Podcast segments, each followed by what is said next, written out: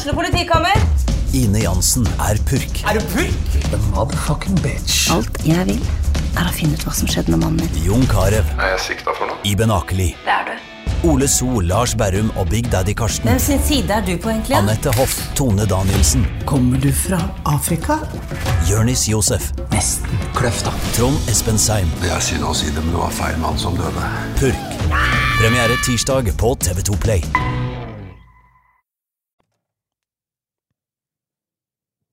Kan vi ønske velkommen til en ny dødballsending. Jeg kan ikke ønske velkommen til studio, for det, vi befinner oss eh, litt forskjellige steder.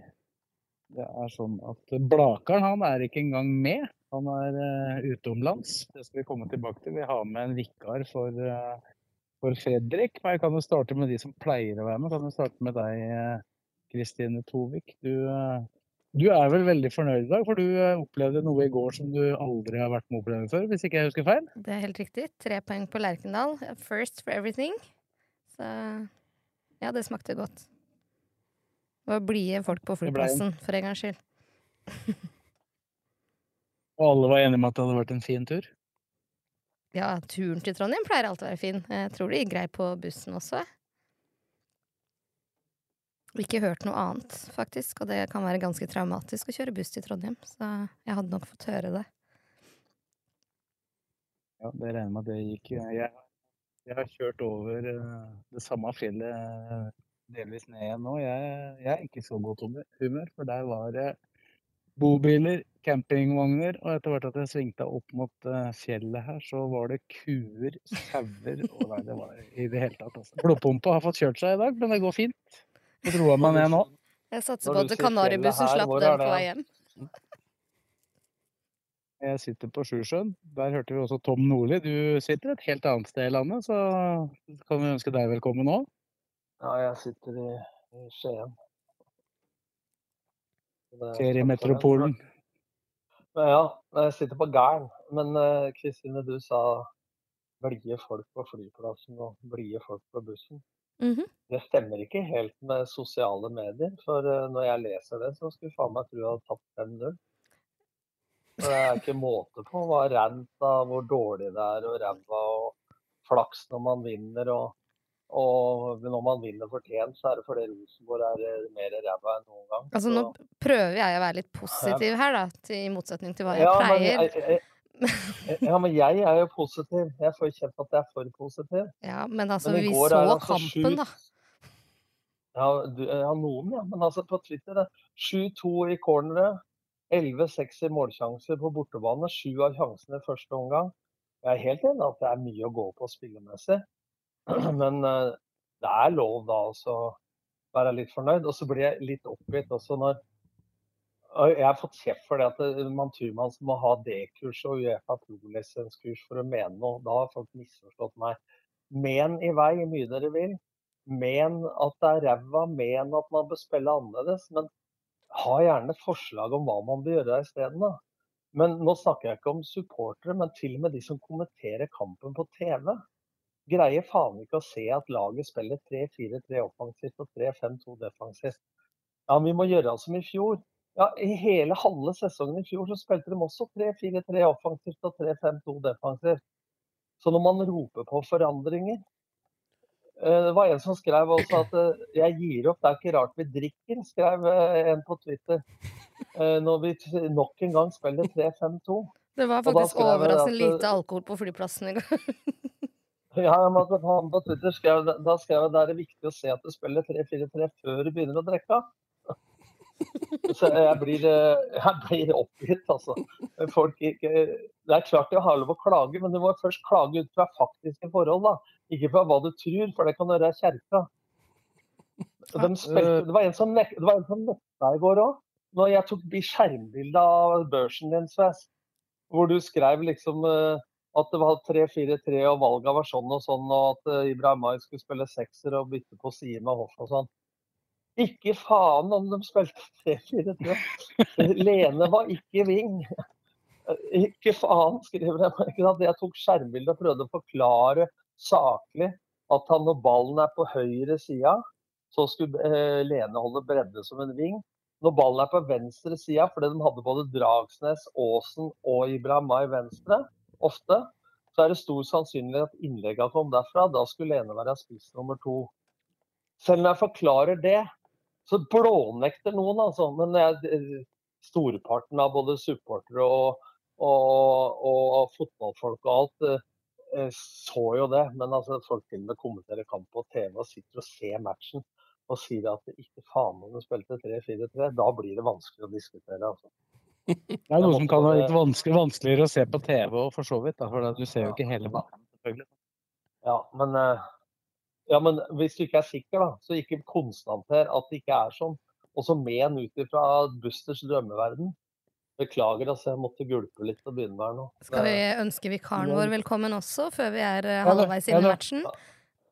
Det, ja, det var det jeg tenkte. Vi, vi, vi, kommer, vi kommer, tilbake til eh, kampen, Tom, eh, detaljert og sånn. Men vi, har jo med en vikar. Og vi har jo selvfølgelig henta vikaren vår fra Blaker. Og det er en som er mer kjent for andre ting enn at han er fra Blaker. André Øyvåg, mest, aller, aller mest kjent for å gå fra Lillestrøm til Kristiansund i 2021. Velkommen. Jo, takk for det. Takk, takk. Veldig hyggelig å endelig bli introdusert. Var du i Trondheim? Var du i Trondheim?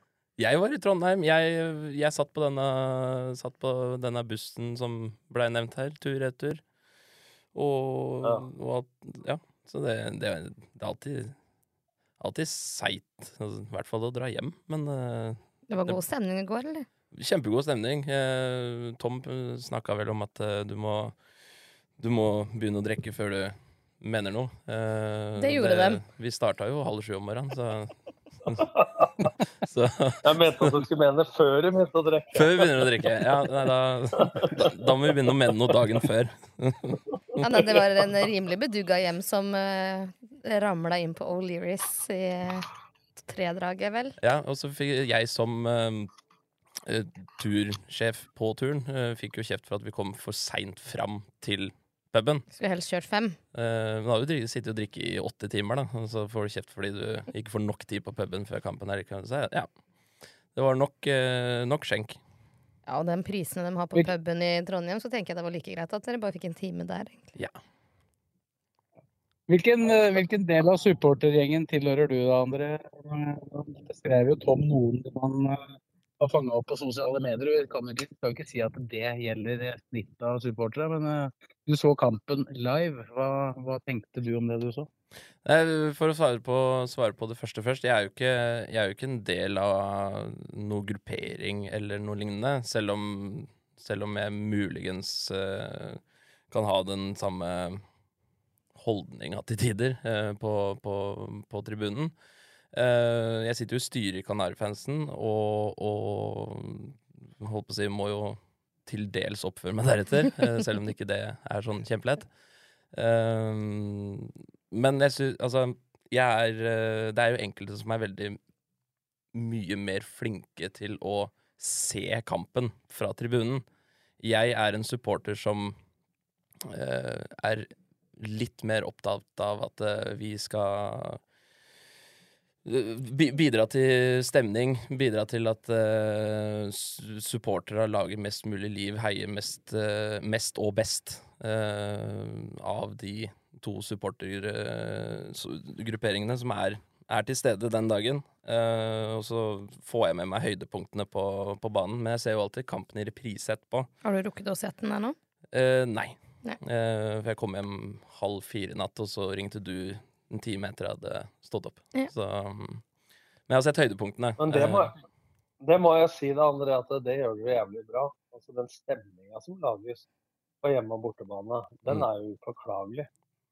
Ja, vi, vi skryter jo ikke av oss selv, men jeg føler at vi, vi, vi, vi er, er, er helt der oppe. Absolutt. Det kan jo jeg si som eh, Jeg ser jo ikke så mye av kampen, jeg heller, for jeg løper jo gjerne bak mål mm. og filmer dere. Mm. Ehm, men jeg gikk ut i pause med en skikkelig dårlig følelse. Og etter hva ja. jeg har skjønt, så mener jo mange at vi hadde jo verdens beste omgang i går. Ja, det Jeg Altså, jeg syns ikke det var um, Jeg syns det var uh, ikke sånn kjempebra på banen. Jeg syns ikke vi leverte på topp uh, på tribunen heller. Kanskje, kanskje litt varmt, kanskje litt feriemodus, kanskje litt uh, andre ting. Det var veldig høy promille på uh, la oss si en tredjedel. Um, ja, Men det var det i Seinajoki òg, og da var det tidenes ja. stemning. Så, men plasseringa er én ting. Og så er det jo det at vi begynner jo med å skrike oss hese før kampen har begynt allerede, fordi at det er så mye volum på høyttalerne. Mm. Men her kommer noe av poenget mitt inn, da, Krisa. Fordi mm. at du går til pause med en dårlig følelse. Jeg gjorde det, altså. Og jeg tror det, jeg tror det har noe med resultatet å gjøre. Fordi at eh, Lene sine to sjanser, Lene sine to eh, assis som kunne blitt mål, eh, Akor sin sjanse, altså sju sjanser i første omgang.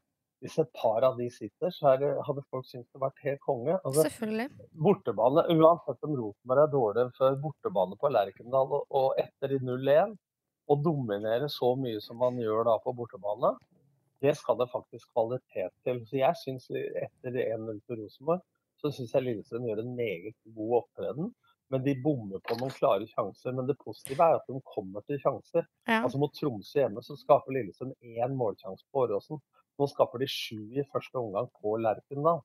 Jeg, jeg, altså, tror uh, følelsen er det at uh, vi vil, men vi får ikke til. Og så blir man sittende, og det er så typisk at vi skal dra herfra uten en dritt som vanlig, da. Jeg, jeg, jeg sitter, eh, jeg, sitter, med den følelsen at um, det, det, gjør jeg for så vidt hver gang. Uh, det Riktignok på bortekampene, uh, når du ligger under eller laget underpresterer og sånne ting. At det, uh, det, det, er den følelsen av at du, du, du har du har satt deg på bussen, og så har du reist så langt. Du har sittet da i åtte, ni, ti timer og egentlig bare grua deg til kampen.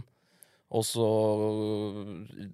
kommer kampen, og så ligger du da under Igjen, jeg, jeg, jeg er ikke den rette til å uttale meg om eh, holdt på å si spill og motspill eh, på, på, banen. Det, det, må jeg, det, det må jeg se i ettertid. Men når du da eh, Lene brenner to store sjanser, eh, du ligger under etter pause, så er det sånn er det, da sitter du med den følelsen at det her, er det dette jeg har dratt så ja. langt for? Vi snakka jo sammen i pausen, og da spurte vi jo hverandre hvorfor gjør vi dette igjen. Kan, vi, kan noen forklare oss det? Vi skjønte det jo etter 90 minutter. Men, men, men, men det er jo litt deilig å høre, da. fordi at det, det er det som er min påstand. Og når folk mener jeg er negativ overfor supportere, jeg mener man må skille det. For det er stor forskjell på meg også når jeg sitter eh, som tilskuer på en kamp og tar det som underholdning og prater med noen kompiser hvis jeg ikke er emosjonelt involvert. Og så hvis jeg sitter og, og ser på tribunen i Holme lag, det er en case nummer to. En case nummer tre er når jeg sitter på Åråsen for RB. Så er jeg stort sett analytisk, men det hender eh, kan skrive ned på det at det kommer noe utbud fra meg òg. Men når jeg sitter hjemme i stua, så blir jeg mer den analytiske igjen. Altså det jeg mener er bare at jeg, jeg påstår da at Og det er ikke noe feil med det at når man går til pause, går da Du har sittet åtte-ni på buss, eh, du har kanskje kjørt fly, Krisa. Ja, jeg har vært det siden fredag. Og så ligger man Ja, ja, men da er, blir det sånn at det, påstanden min er at det blir styrt av følelser. Da. Det er ikke noe feil med det. 100 styrt av følelser. Mm -hmm. Og det, og det, det... Ja, og, når man er styrt av de følelsene, det er da jeg mener man du sier jo det sjøl, det er ikke da jeg skal mene noe, for da mener jeg du har mista evnen til å være analytisk. Da, for det merker jeg på meg sjøl òg, når du blir for emosjonelt påvirka. Det, det, det, er 100 og, og før jeg ble introdusert i stad, så, så snakka du om at øh, Og jeg er en sånn selv også, øh, som, som, i det øyeblikket skriver på Twitter akkurat det jeg mener. Det, har jeg, det, det innrømmer jeg. Jeg gjør det selv også. Um, men det, det er 100% styrt av følelser da føler du at laget er dritt. Du føler at uh, du ikke får noe igjen for at du har reist opp dit. Du føler at uh, alt er skikkelig dritt, og så får du på en måte en utløp for det ved å, å Avreagere, rett og slett. Ja, og ytre deg på Twitter. Men det er klart, uh, spør du den samme personen i dag om hvordan den første omgangen var, så er det det kan jo hende at personen mener det samme, men det kan hende at han ordlegger seg litt bedre, da. Jeg bruker Twitter nesten til å ventilere, da, og jeg har full respekt for det. Men det er da jeg prøver både på Twitter og litt med sånn der eh, glimt i øyet, da. Og så jeg skjønner ikke at dere orker å stå opp og sånn, sier jeg noen ganger. det skjønner ikke vi heller, Tom. ja, men det blir jo rasende tilbake igjen, ikke sant. For at det, jeg prøver jo da å balansere det litt, da. Og jeg tror jeg, tror jeg, blir, jeg blir kjent på som en ganske ærlig, kritisk eh, person. Og det skal mye til for at jeg syns lag eller enkeltpersoner er dritgode, for å si det sånn. Men det fins en mellomting mellom helt ræva og svart da, og Mm. helt konge. Det er det, jeg, det er det jeg mener oppi det her. da. For at eh, jeg, jeg klarer faktisk å se noen ganger, selv om laget har tapt, at det er elementer og Men det er noen som sier det nytter ikke å være god bare et kvarter og sånn. Men at det, man må ha evnen, i hvert fall som fagperson, da, eh, til å evaluere eh, prestasjonen uavhengig av resultatet, hvis man skal få trent på ting og bygd videre på ting. Mm. Men jeg, men jeg skjønner helt den biten at det, det er noen ganger det rabler for meg oppå der òg. Bak han advokaten på feltet der som rabler for selv om det er feil innkast midt, midt på banen. Han Halvors, for å si det sånn. Dette, dette, dette høres nesten ut som jeg, jeg kjenner meg igjen i det både André og Tom sier her. Det kjenner jeg meg igjen i på den bilturen jeg hadde nå. For da, da var det, det var følelsesstyrt for meg.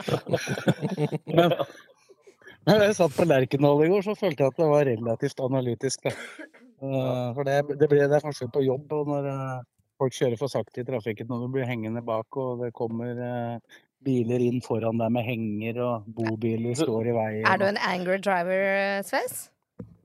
Ja, jeg hadde ikke overlevd hvis jeg skulle stått i kø eh, flere ganger i uka. Det, det er så enkelt er det. Derfor så gjør jeg ikke det.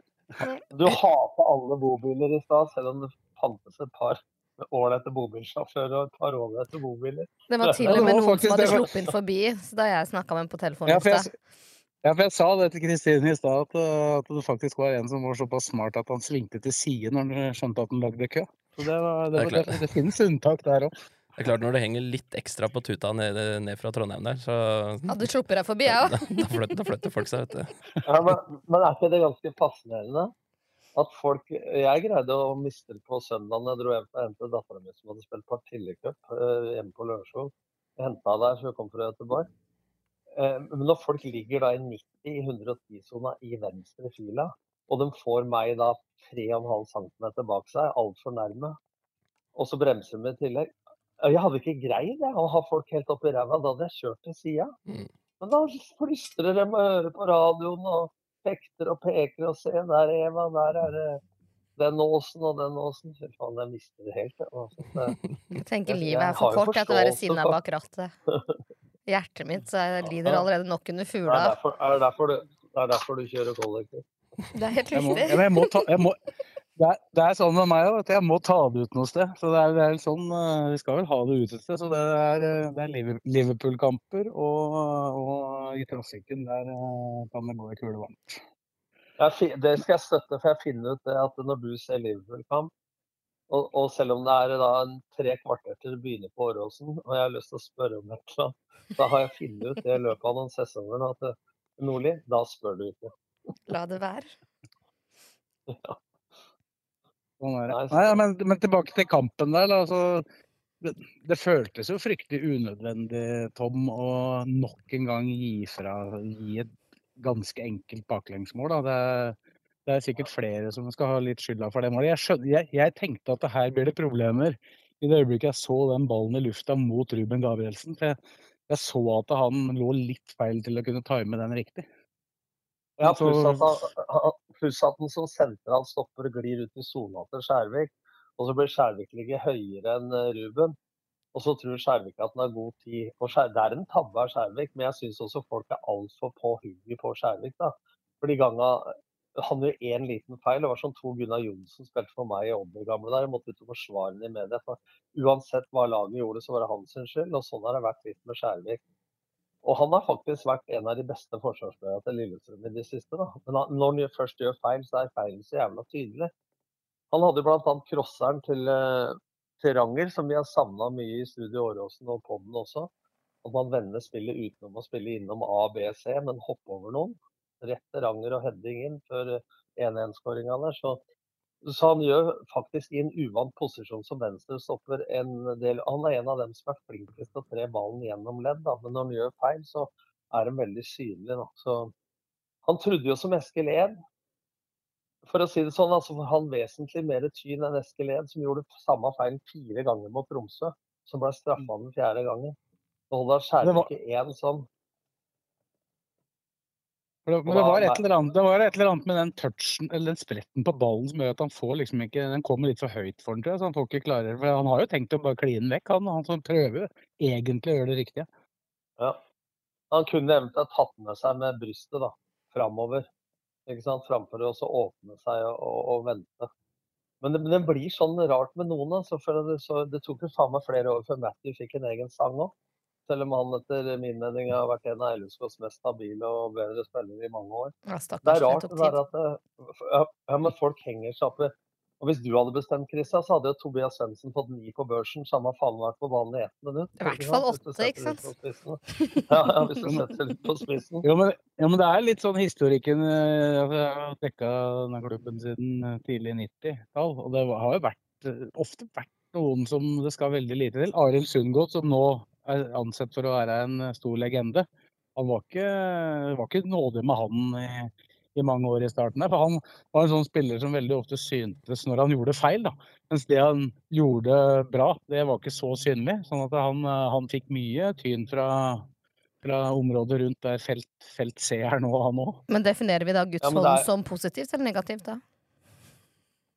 Det, det, det, skjedde jo under meg. Det, det, var jo helt strålende gjort. Det, det må jeg bare si. Altså, det, det var litt morsomt. Jeg tror jeg har fortalt det før. men vi så det ikke fra benken den gangen i semifinalen mot uh, Stabæk at han hensa. Så kommer Arild inn i garderoben etter kampen og sier faen, jeg hensa, hva skal jeg gjøre? Skulle jeg sagt ifra? Så sa jeg hadde du gjort det, så hadde jeg slått deg i hjel. men, men, men, det var jo sånn da når uh, Mike Kjøle, som nå er agent, sto og ble intervjua i TV 2 etterpå, så sier jo han at uh, Eh, hadde det vært meg, så hadde jeg sagt ifra. Og da sa jeg at når du kjører hjem skuffa nå gjennom Vålerenga-tunnelen i 90 km i 70-sona, så ringer du ikke til og sier ifra. Jo, da skulle du plutselig si ifra. Og jeg satt jo så på skjermen, på Våråsen ser jo dårlig fra de benka. Så spurte journalisten er hun, var nervøs, Tom. Og jeg var dritnervøs, for det var jo bare én rundt. Sa jeg. Ja, men det var jo to sånne med regner det ene målet ikke telte, så jeg prøvde å ha litt humor rundt det der, men det skulle jeg faen ikke gjort. For å si det sånn. Og det som, er, så, sånn, han, han var, ja. det, det, det, som er gøy, er at Stabæk-supportere er jo rasende enda. Deilig. Ja. De, de, snakker om det enda. Men andre, det som er morsomt, er at eh, tre dager før så spiller vi mot Stabæk mm. på Nadderud. Og både Bjørn Helge Riise og Frode Kjeppe blir utvist. Mm. Og etter at han Anton Janna stakk fingeren i øyet på Steinar Pedersen. Så da sto jo Kippe og dusja, og så kommer eh, Bjørn Helgen og så spør hva er det med deg. Der viste ut jeg òg. Du var jo ni mann og tapte 3-1. Så spillemøtet tre dager etterpå, det var pleide å være på Thon Hotell Arena. Nå møtte vi oppe i presserommet der. Og så hadde jeg funnet ut all dritten jeg visste om hver enkelt spiller, så jeg dro hele elveren til Stabæk, og så dødball, og så gikk vi ut og spilte. OK, second tactic på de dagene. Men da var tenninga høy, for å si det sånn, pga. de røde korta. Og så kom den Hensen i tillegg, så det var, det var en del bensin på bollet da, ja. Ja, Nydelig. Men, det er sånn det skal være. Men det er lenge siden. Men er, vi har pratet, Du har prata en god del om kampen og tenkte om den, Tom. Men uh, det er en annen spiller òg som uh, har havna litt i den samme båsen etter å ha vært en stor helt for to år siden. Thomas Lene Olsen får uh, mye tyn, legger jeg merke til nå. Og spesielt etter kampen i går, kanskje. Ja, men de skriver at hvorfor skal han spille osv. For det første, jeg mener at han i går er vesentlig bedre i banespill enn Akor. Akor er enig med Geir Bakke at han spiller langt under pari, men han putter de to måla.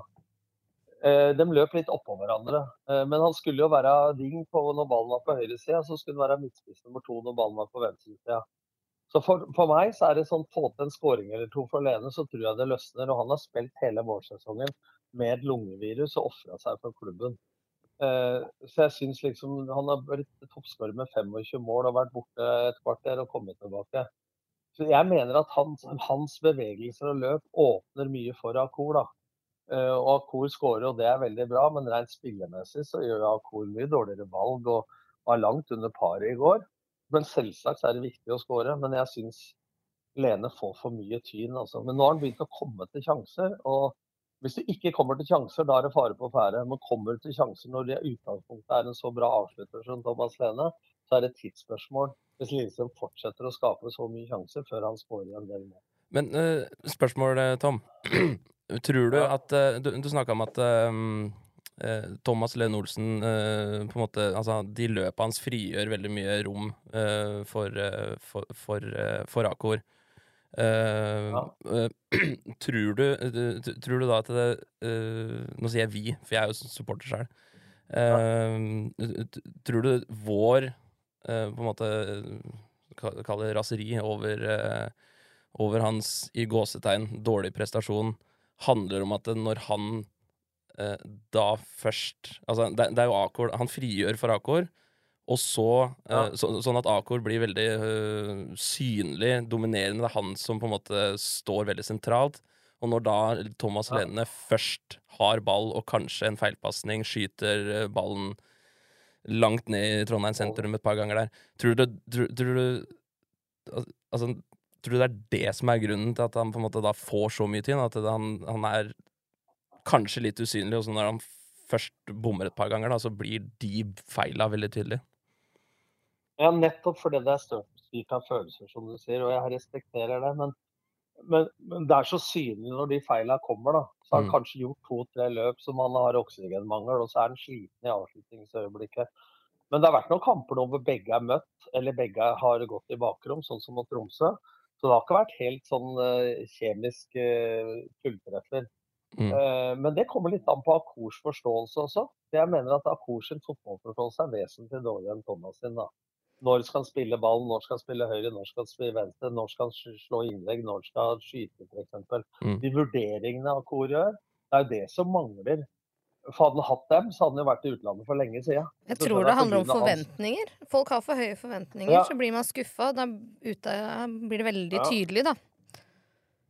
Ja, men, men Akor da, han har en rå fysikk og en goalgetter-egenskaper som er helt rå.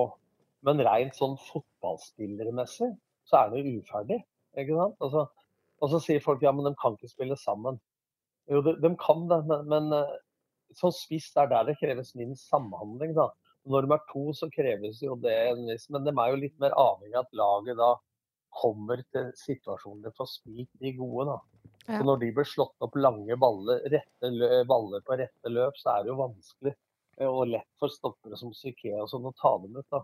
Mm. Så Jeg syns det må nyanseres litt. Grann. Man, det, det, men det ene er følelser. for da liksom og jeg skjønner det, for da kan man ta ut følelsene på Skjærvik eller Lene Olsen eller et eller annet sånt. Hvis du ser tålmodighetsgrensa på Tobias Svendsen, Eskil Edi osv., Hedenstad Christiansen i mål, så skal de gjøre ganske mange feil for å få samme tid. Det det som... men, men, det er, men, det er, et veldig interessant uh, poeng akkurat på når det gjelder det der, da, som, som viser at det er følelsesstyrt da, på mange ja. måter. Det er jo, Vi kan ta Lars Ranger, da. Vi går ett år, tilba ett år tilbake. Altså, folk, folk, mente at han burde fjernes, nærmest, nærmest hives ut av klubben. Og nå, nå, er han den som folk savner, når han ikke er med. Så det, er, det, det, det skjer mye. Ja, men For å balansere det litt, da, så er jeg den som har vært mest kritisk sammen med harde mottak til uh, Lars Ranger. Og det har vært fordi at jeg syns han har så enorme hurtighet, og enorme fysiske forutsetninger. Og så syns jeg det er rart at en spiller på 24 år tar til seg læring så sakte som han har gjort, da, og plasserer seg såpass dårlig. Det som har imponert meg, er en, hvordan han har stått i stormen, tålt tynet fra supportere, media, eh, meg og andre. Og så har han liksom revansjert seg uh, meg, og da har vel respekten på en måte økt. Han har vokst masse. I, ja, sånn som i år så har han færre dumme valg. Men før så var det sånn at tre kjempegode valg eh, ble fulgt opp av tre dritdårlige valg. F.eks. å ta ballen fra høyre bekk og bare løpe med sånne skylapper som på Bjerkebanen med uh, hodet ned så det butter. Og Enten da så blir han felt og skada, eller så skader han noen andre og får gult kort. Men det har han uh, bedra seg på. Men, men, det blir sånn svart-hvitt, da. Enten-eller, for å si det sånn. Så Eskil Ed er fortsatt en mye klokere taktisk spiller. Men, uh, de, og jeg syns sånn offensivt på, på Ranger òg så bør ikke han gå i offside så lenge. I fjor så skulle han ned til dørlinja slå. Samme om det var én meter til dørlinja, så ble dørlinja en motstander for han og en medspiller for Forsvaret. I år så har han slått innleggene tidligere. Starta lenger ned i gata, vært mindre i offside osv. Så, videre. så jeg syns det siste halvåret at han har vist større læring, da, ta til seg læring enn tidligere. Og dette veit jeg jo fra, fra jeg hører internt òg. Pluss at jeg trente jo i åtte dager før dommedag, selv om han ikke var klar for Lillestrøm da. For han var leid ut til Kisa, var vel. Og, men han trente jo med oss. Så det er ingenting som gleder meg mer at han tar de greiene, for han har et enormt potensial. Men potensialet handler også om klokskap. At det er viktigere å gjøre de riktige tingene enn å bare gjøre tingene riktig. Det hjelper ikke å slå en strak rist hvis du treffer tredjemann på sittetrinnet.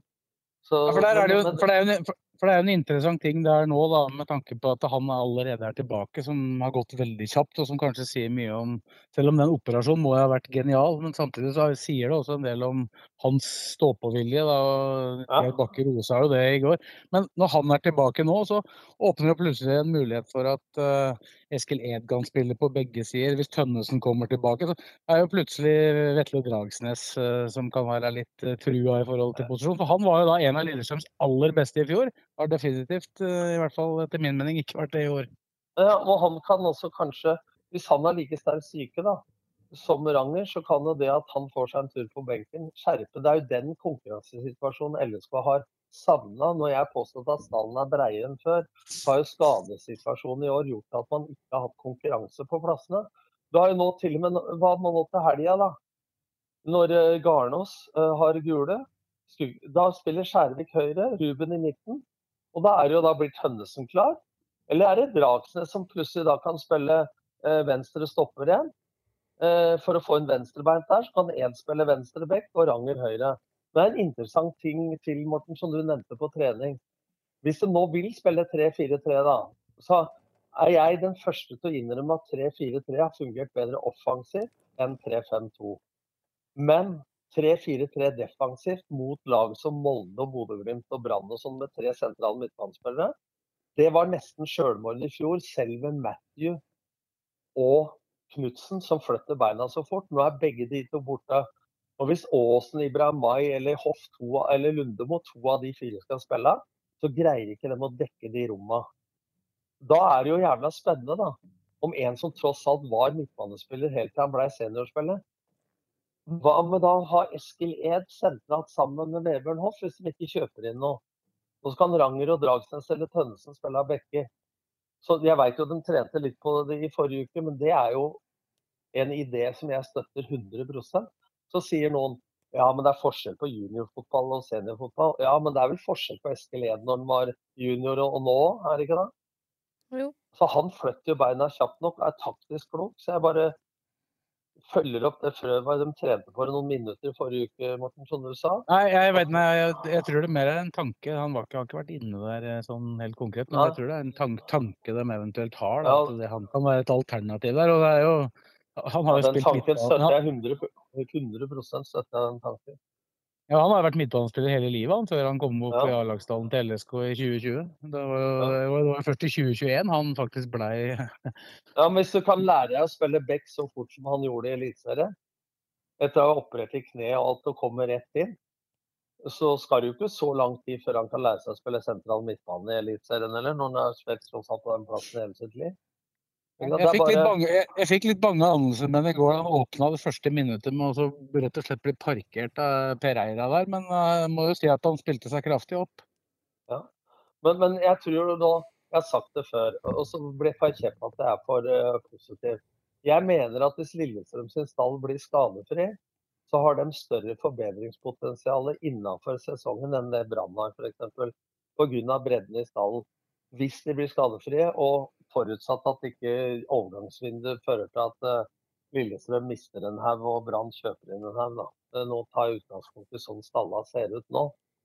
Jeg vet ikke hva André og dere andre tenker om det, men, det, Nei, jeg tror ikke det er en tanke som så mange har tenkt, med én sentralt der, for å si det sånn. Men gudskjelov så har jo trenerteamet tenkt litt på det.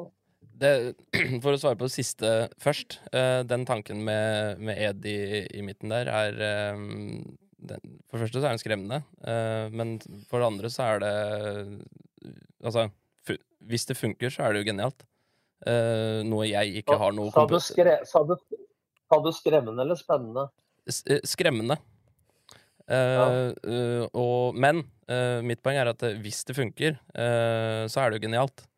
Um, og så mener jeg jo at Jeg er jo enig eh, i at er stallen skadefri, så er det jo eh, den er ikke, Jeg syns ikke den er like bra som i fjor, fordi av spillere som har gått ut. Eh, men den er eh, Den er spennende. den er eh, Den, den, den, den funker. Eh, men jeg mener, jeg mener at eh, jeg personlig, uten at jeg Ja, som jeg sa, jeg, jeg jeg, jeg ser jo ikke Jeg klarer ikke å se det analytiske når jeg ser fotballkampene. Eh, men, eh, men mitt inntrykk er at eh, det ville vært bedre å beholdt Ed på bekk, og så heller fått inn en klink startelver på midtbanen. Det er mitt syn på det. Ja, men, men det er jeg enig i, men nå snakker jeg om ut fra den stallen de har per nå. Ja, men, og, og ikke Altså, hvis du ikke kjøper inn noe, hvis du kun går ut ifra den stallen Og de vil spille 3-4-3. Ja. Ja, så er Ja, det, da- det er ikke, det- noe- det er ikke noe sorry at jeg tvil- Det er ikke noe tvil om her. Ja. Da, da, da, da, blir det da, da, blir det ikke litt tynt da, da er det jo litt tynt med, med med midtbanespillere, og da igjen Hvis det funker eh, med, med Ed, så, så og, og du ikke kjøper inn noe, så, så, så er jo så er det, er ingenting som er bedre enn det. André, André, jeg tror ikke det, det er ikke et tema i det hele tatt. Jeg kommer til å komme inn midtbanespiller uansett. Ja, det, det hadde jeg satt pris på. det er det. Så Litt av det sånn. Ed kan jo spille mange steder, men, eh, men han, eh, det er ikke noe tvil om at han eh, han vil ikke bli, liksom, om han skulle, Det var mer en løsning fram til 1. august. Og så er det klart, Hvis han lykkes der, så kan han jo fortsatt spille der. Men jeg tror ikke det er noe tema at det ikke skal hentes midtbanespiller uansett. Det er én ting vi ikke har snakka om nå. Jeg mener i 3-4-3 at både Ed og Ranger kunne ha spilt wing òg, på topp. I 3-4-3.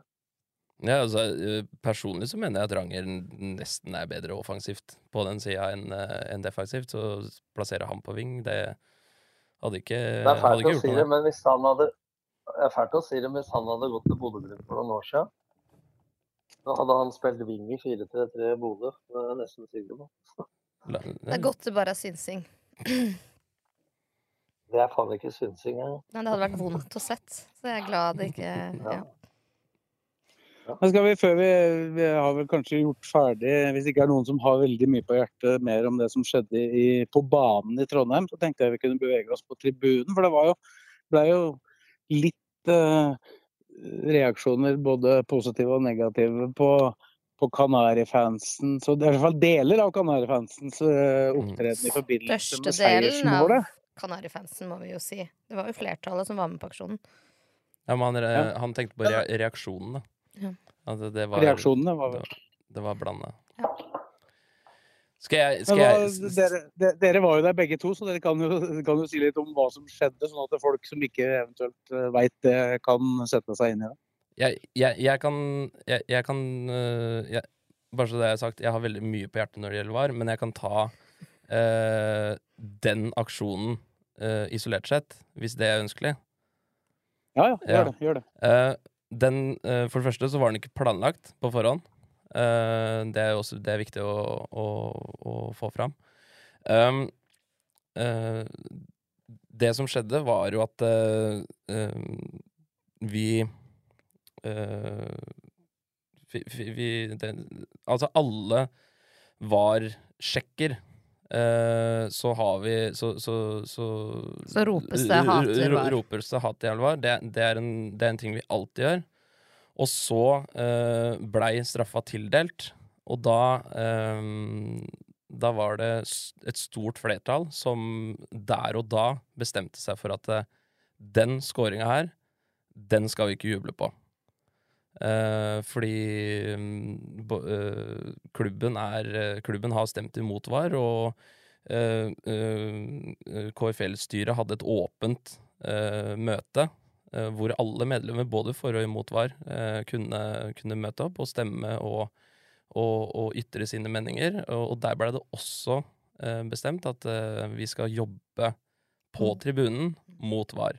Og da blei det der og da, på Lerkendal i går, eh, bestemt at eh, Eller det blei satt i gang at eh, nå setter vi oss ned, og så jubler vi ikke hvis vi scorer på den straffa.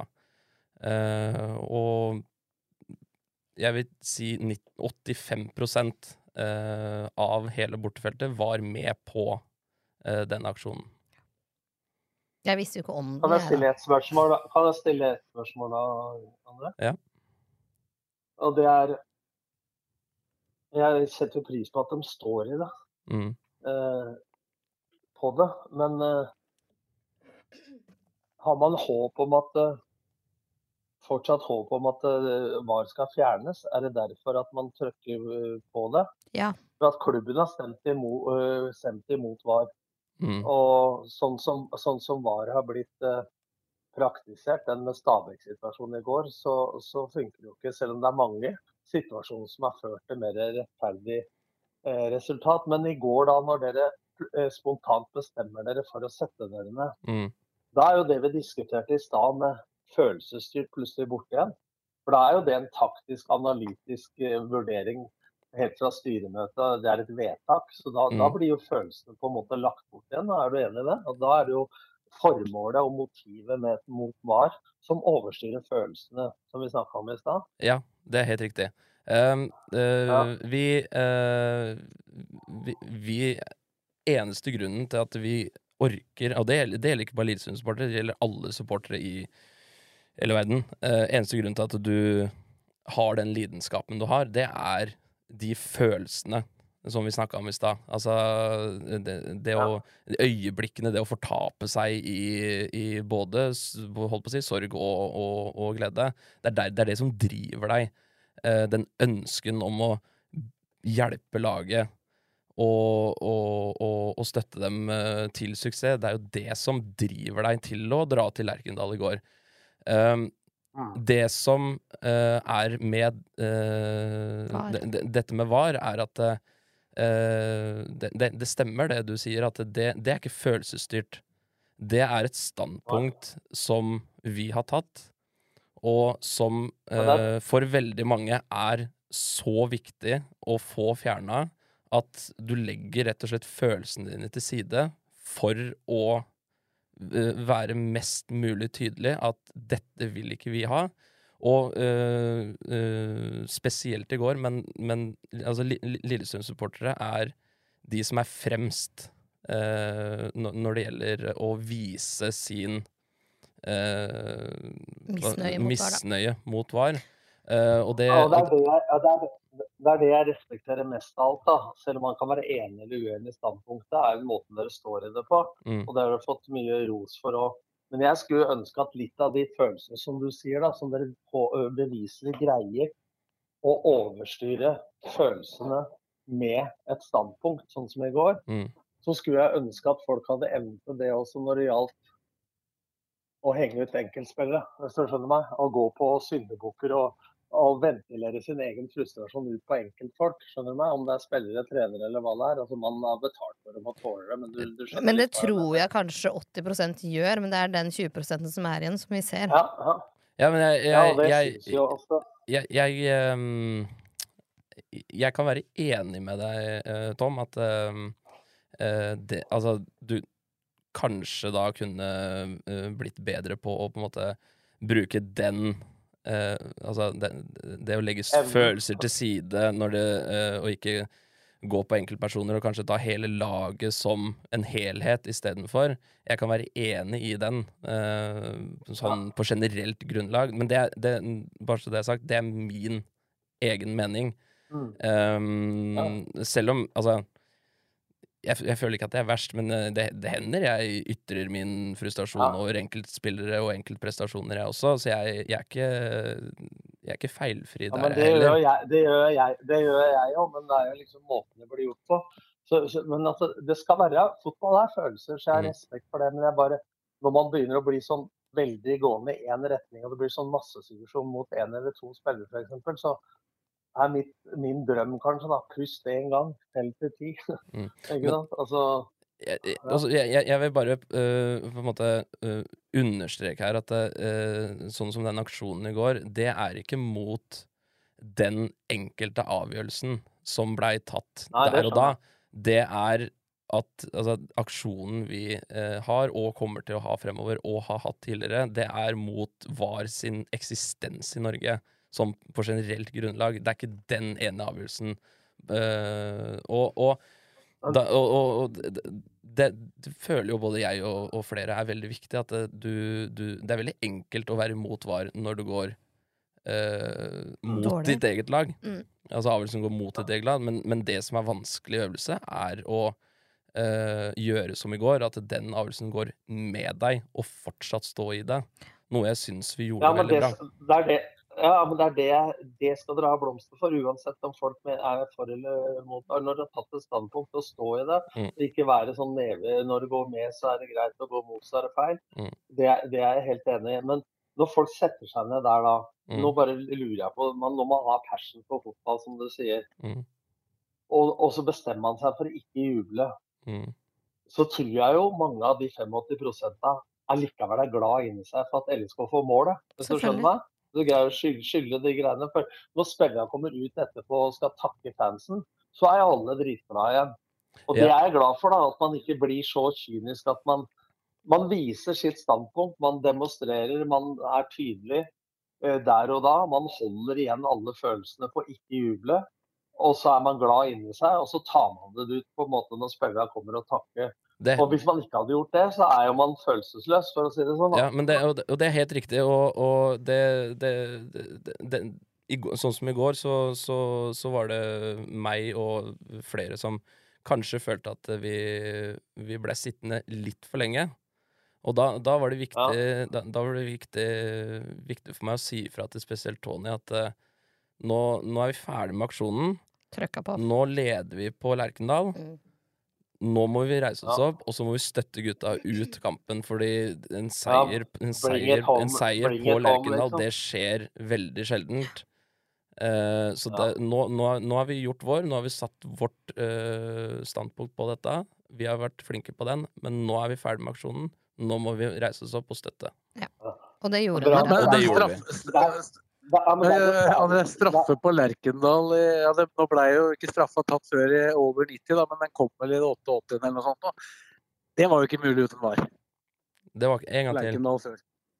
Å få straffe på Lerkendal mot Uten Rosenborg i 88. eller 90. minuttet, da, som det da blei, det var jo ikke mulig før uten VAR. Nei, men det, det er jo det som er problemet her, da. I går òg syns jeg dommeren var feig. Fordi han visste at hvis han ikke dømte der, så kom VAR til å gå inn hvis det skulle vært straffe. Og det var det som skjedde. Um, Det er jo svakt at den ikke dømmer straffe det er kjempesvakt! Mm. Og det er jo der bunner vi jo nå i hele problemet med VAR, som vi Men- kanskje ikke så på forhånd. Da, at eh, nå blir jo dommerne enda feigere, fordi nå lener de seg nesten på at VAR skal ta det hvis det skulle vært dømt. Mm. Og det gjør det enda mer irriterende. Spår det litt tilbake igjen, for jeg syns det er interessant debatt. Mm. Eh, og jeg er både for og imot, holdt jeg på å si. Mm. Men for meg så går et skjæringspunkt da, André Mm. og Chrissa. Mm.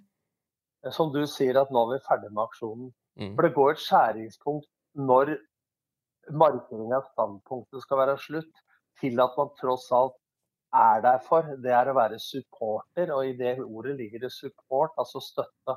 Ikke Mm. sant? Mm. Sånn at det, det, når du sier at Jeg er jo takknemlig for å høre det at nå har vi sittet lenge nok, nå er aksjonen ferdig, la oss bring it on uh, three Mm, points. mm, ikke sant? Altså, mm. Nå er det viktig å støtte de gutta. For Hvis man bare hadde sittet lenger da, så skjærer det for meg Da blir standpunktet viktigere enn å være supporter, hvis du skjønner Ja, Ja, det, det, det er 100 og det, det Altså, vi er, vi er der øh, Altså, pri én for å møte opp, det er å støtte laget. Eh, det, altså, det, det er grunnen til at vi dro opp i utgangspunktet. Eh, Og det gjør dere bra. ja, så det er, så det, det, det, er viktig, det. det. Det er viktig å på en måte uh, Igjen, da. Det er, Vi er jo der for å støtte. Det skal jo sies at mange av aksjonsmåtene som ble diskutert, det var jo blant annet å reise seg opp og gå. Og gjøre det hver gang det var en avgjørelse på VAR. Sånn Mm. initielt, da. Og da hadde det jo blitt et semitomt felt. Og hadde man bare gått i går, så det hadde jo vært for ekstremt. I hvert fall så langt som vi har kommet ut i sesongen. Ja, og da hadde det ikke vært supporter i mine øyne. Da. For at det dere greier nå, er å balansere standpunktet, demonstrasjonen, tydeligheten at man er imot, både klubben og supporterne. Men Men at man likevel allikevel greier å vise at man er supporter. Ja. Ikke sant? Og det er det jeg vil hylle, hylle da. For jeg, jeg er i utgangspunktet var litt Jeg var imot øh, VAR i forhold til det spontane.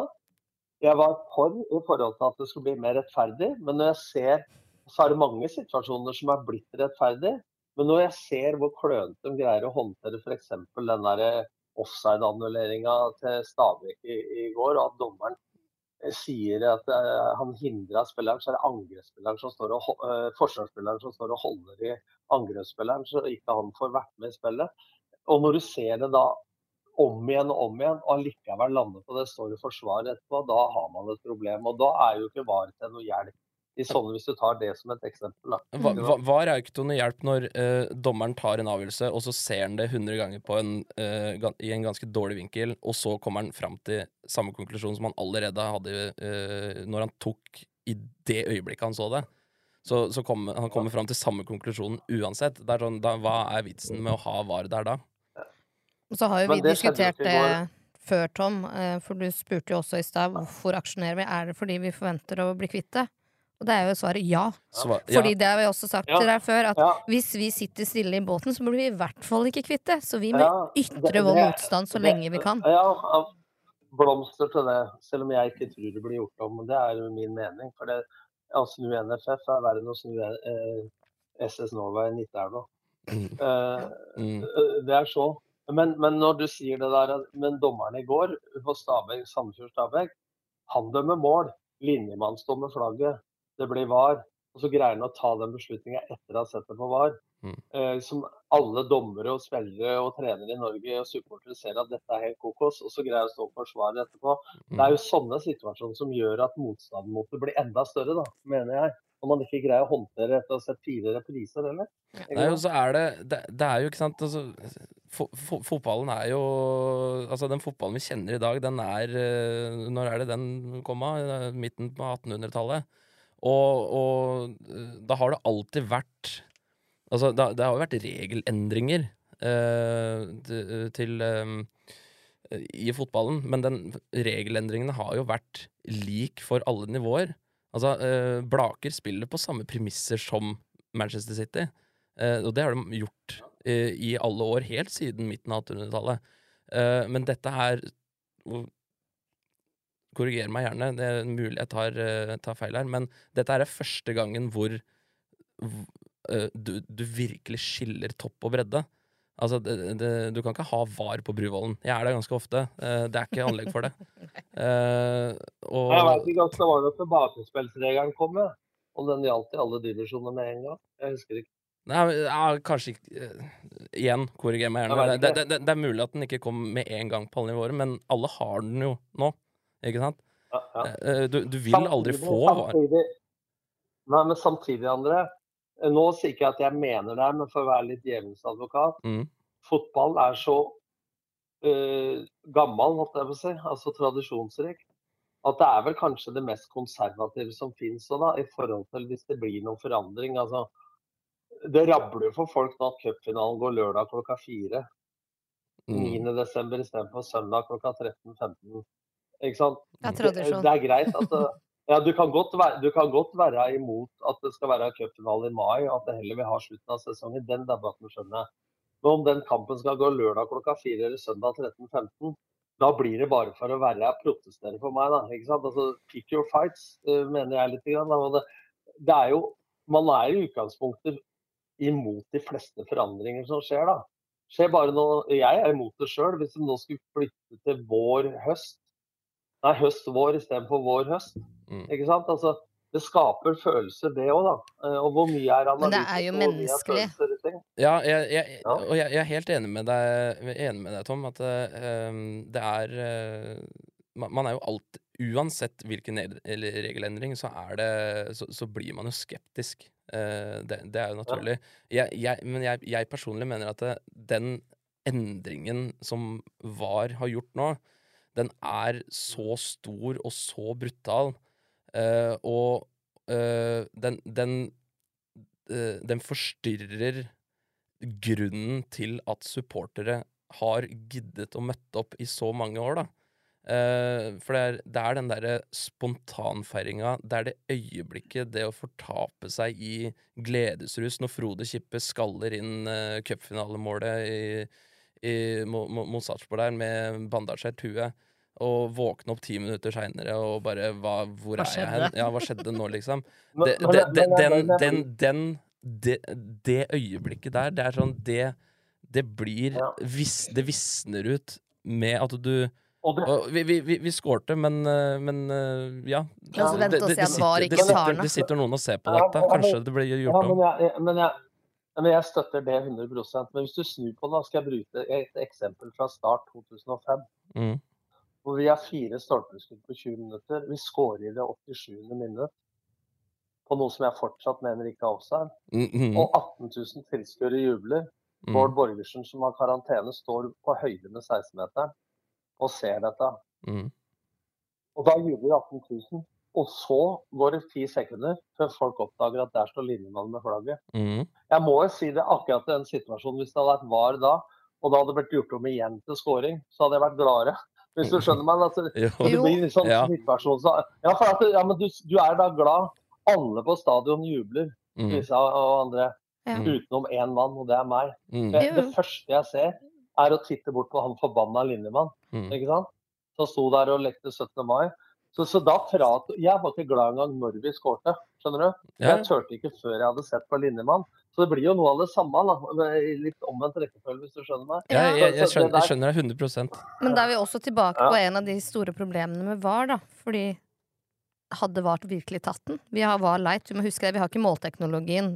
Vi har ikke riktige kameraer Nei, eh, har- på Nei, alle men har, steder. men du har, du, du Ja, har men vi det, lineale, altså. du har det eksempelet som du du har, det, du har det eksempelet som du nettopp uh, skisserte, da, Tom, at uh, det, det, det er den uh, Og det, det gjør jo vi også. Det er, det, er, det er ett blikk bort på linjemannen. Har den flagget oppe, har den flagget nede? eh, og det tar Tre sekunder, Det tar et, altså. halvt, et halvt sekund. Ja. Så, har du, så ser du om han har flagget oppe eller flagget nede, og så reagerer du deretter. I den situasjonen så hadde han jo flagget oppe, og så blir jo du rasende. I andre øyeblikker så er det han har flagget nede, et halvt sekund, og så kan du bare juble, da. Eh, men, men med VAR nå så kan du fort stå en fem-ti minutter og vente, og så juble. Da er, da er liksom hele det, det organiske borte, da. Hva? Er forskjellen min da når jeg er supporter i noen kamper og så er jeg trener i noen kamper? Mm. At jeg tror jeg fem ganger i hele min karriere har jubla for en scorer. Jeg tør faen ikke å være glad før kampen er slutt. Skjønner du? Nei, og Det har jo vi som LSK-supportere lært òg, da. Skal ikke juble før vi faktisk er blåst. La meg scoring følge scoring nå. ikke sant? Så For meg som trener så tar det bort gleden. For du er om å gjøre å nullstille folk. Nå har de gudskjelov begynt å stå i ring, da, så det tar lengre tid før ballen blir satt i gang igjen. ikke sant? Mm. For det, det er jo forska på det at eh, hvis du jubler, så skapes det fornøydhormon, altså dopamin og serotonin.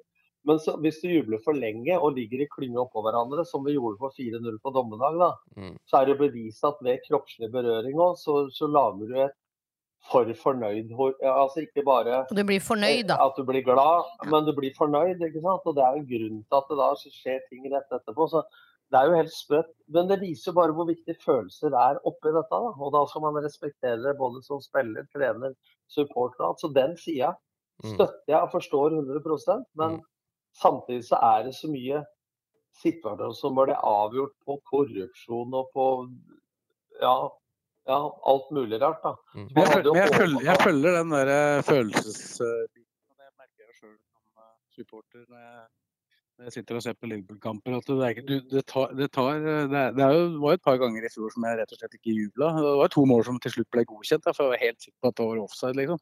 Men, eh, så var det ikke det. Men, men det, det som jeg tror For å få inn et annet aspekt, da, uten å være for eller mot VAR, det, det en som jeg føler da, som, Jeg var jo dommer sjøl inntil slutten av, av 90-tallet.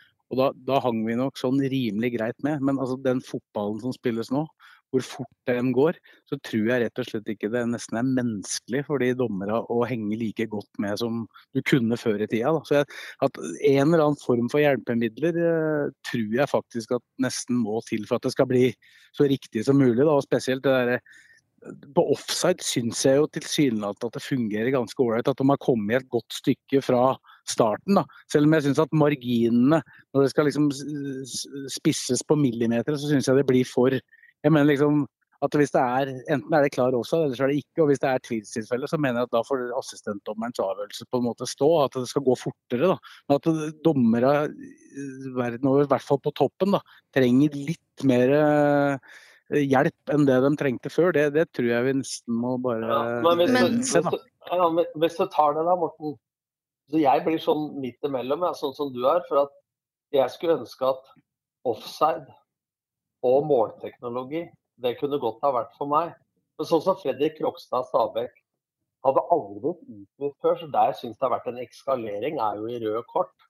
F.eks. at det er en takling, og så ser du stillbildet at beinet står over ankelen på den, f.eks. Så jeg vil ikke ha noe basketball der heller. Da. Så hvis man skulle enten da få flere kameraer og gjøre det enda bedre, og at de nissene som sitter i VAR-bussen må gjøre en bedre jobb, eller så kunne du ha begrensa det til offside og mål. Da.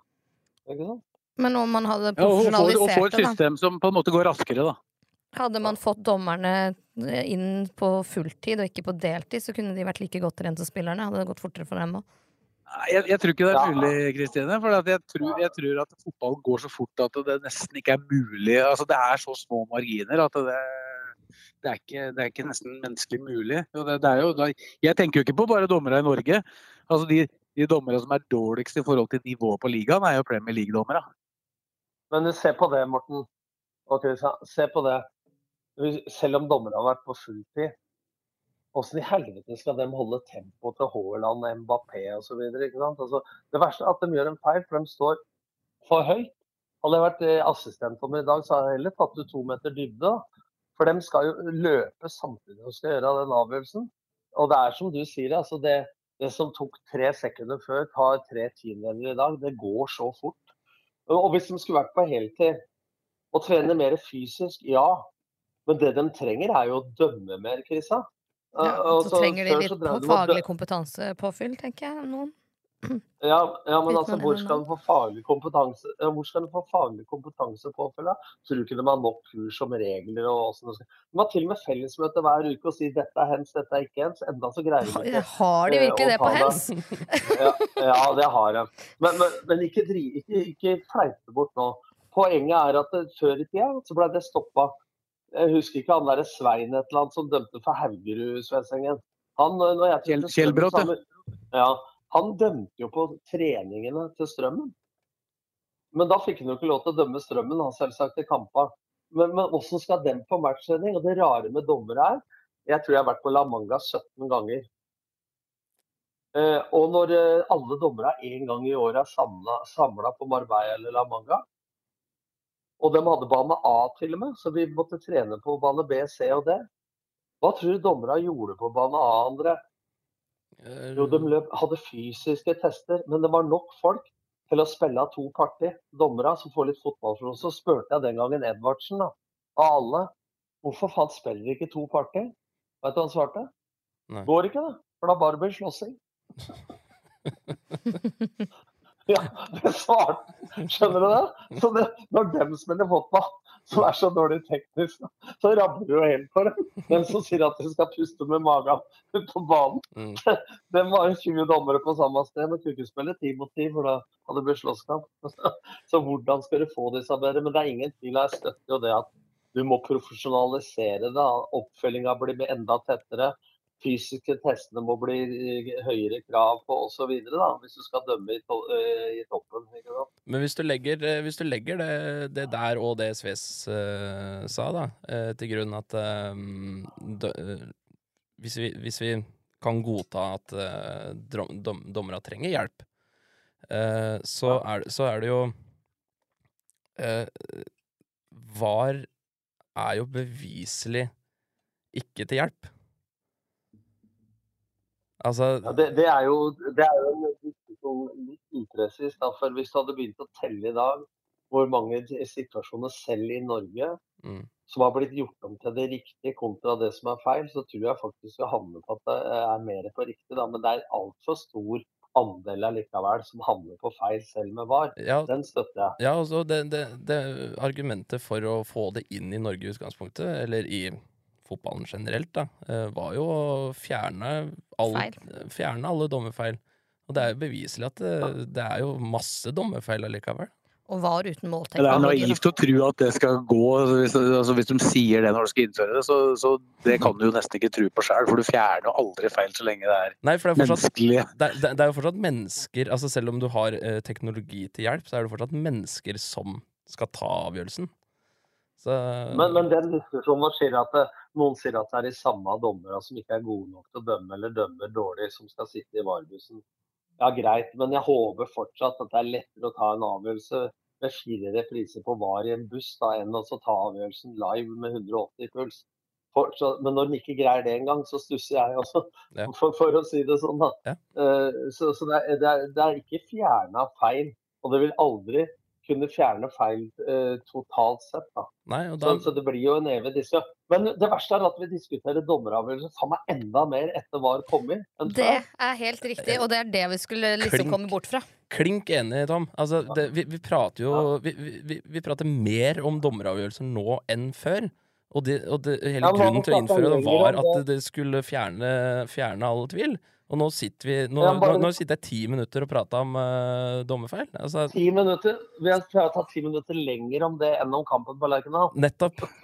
Og det sier litt, mener jeg. Litt av sannhet med modifikasjoner der, men ja. Det, Ja, da, Du som er i studio, se på telleverket ditt nå. eh, Hvis du har eh, Men vi snakka vi har snakka nesten en time om kampen, og så har vi snakka kvarter om VAR. Nei, Åtte minutter om VAR, og så 56 minutter om kampen. Føl, føles ikke sånn ut. Nei. Men, men André, du som Ja. følger med litt, for jeg har bare registrert at, eh, at det er jo For svenska har jo ikke innført dette her, og at det der er en voldsom diskusjon. Der virker det som er det flere klubber enn i Norge, da, som det bare er Lillestrøm som faktisk går imot innføring. Ja, det er helt riktig. Eh, I, i Allsvenskan, eh, eller i Der er det det samme. Både Altså, de to øverste divisjonene, det var jo også i Norge eh, som, som Men der, der, der uh, i Sverige så, så, så er, er det jo ikke sånn Nå setter vi oss ned, og så stemmer vi. Her uh, i Sverige så har klubbene litt etter litt bare på eget initiativ gått ut og sagt Vi ønsker det ikke. vi, jeg, vår klubb, vi vil ikke ha VAR, og så, det, så har det tatt litt tid, og så kommer en ny klubb. Vi vil ikke ha VAR. Det, det ikke, de har ikke satt seg ned og stemt sånn som i Norge, hvor da Lillestrøm var den eneste klubben som stemte imot. Eh, der, der har de på uh, eget initiativ uh, ytra uh, sin, eh, sitt, sitt standpunkt mot VAR, eh, og der, der er det såpass mange klubber som sier nei til VAR, at eh, der eh, blir det ikke innført. Og det er veldig typisk Det det Norge å se på Sverige som storebror, da. Kommer det til å reverseres kun fordi det ikke kutta blir det i i Norge, da, for det ble jo avstemning lenge før noen hadde begynt å diskutere det, nesten. Det er tullete. Det meg- snikinnført. det- er dette som gjør meg litt stolt. eh, nå sier jeg vi, da, for at eh, det klubb, LSK har vært klubben min siden jeg var fem år gammel. Mm.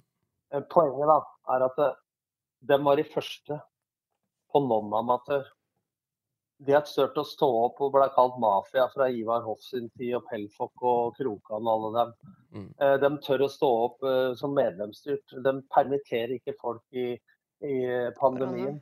Mm. Eh, De tør å stå opp og, stemme mot VAR. Altså, det, uansett om du er enig eller ikke, da, så, så er det i hvert fall standpunkter eh, så de ikke snur kappa etter vinden hele tida for å bli mest mulig populære. Mm. Og det gjør meg litt stolt. At, og det, det kan jeg si at jeg er stolt av LSK-supporterne, selv om jeg er sånn ambivalent. Det finnes deler av hva jeg er for og masse deler jeg er imot. Så når man først har tatt et standpunkt og måten dere gjorde på Lerkendal, det, det hyller jeg. Mm. Og så blir det skjæringspunktet, som vi sa, da, for å prøve å runde av debatten, at hvor går skjæringspunktet mellom eh, å markere standpunkt og demonstrasjon til å bli supporter igjen etter en sånn eh, hendelse på Lerkendal. Så, Mm. så alt er jo ikke svart-hvitt. Det er lov faktisk å, å mene både for og imot, da. Så, før man konkluderer. Og så bør det ikke være spikra i stein. Det skal fortsatt være mulig å reversere det her hvis det går til helvete. Ja, og hvis det ikke er det, så igjen da, tilbake til Allsvenskan, så er det Der er det varfri fotball, så det er ikke langt. Det er ikke langt til Ørebro, det er ikke langt til Malmö. Det er Skal vi begynne å reise på helgeturer, er det det du sier? Jeg har reist mer. Men, men det er én det er én regel som er blitt reversert i norsk fotball. Det, den å hente ballen? Hente ballen? Nei. i mål, er det den? Nei, men det, er- det er sånne småting. Men sånne store ting, da. Mhm. Det er det året 1987, eh, når eh, Thomas Danke var smart nok til å ta opp eh, forslaget om straffekonk ved uavgjort og lørdagskamper. Og det passa han på at det var avstemning om det søndag morgen klokka ni når alle var dritfyllesyke. Dritfyllesyke. Ja, og folk rakk opp hånda på tinget. Og det blei ett år med straffespark Mm. uh, ved uavgjort. Og vinneren av straffekonkurransen fikk to poeng, sånn som i hockey. Vinneren av kampen fikk jeg vet ikke, var det tre poeng på den tida, Morten? Og seier, eller var det to? Det, ble- det, var da det, det var da det blei tre poeng, så, og det tredje Ja. poenget skulle da fordeles til straffekonk hvis det var uavgjort. Yes. Ja, det er det jeg mener. Ja, der ser du. Ting som Men- ikke funker, går an å fjerne.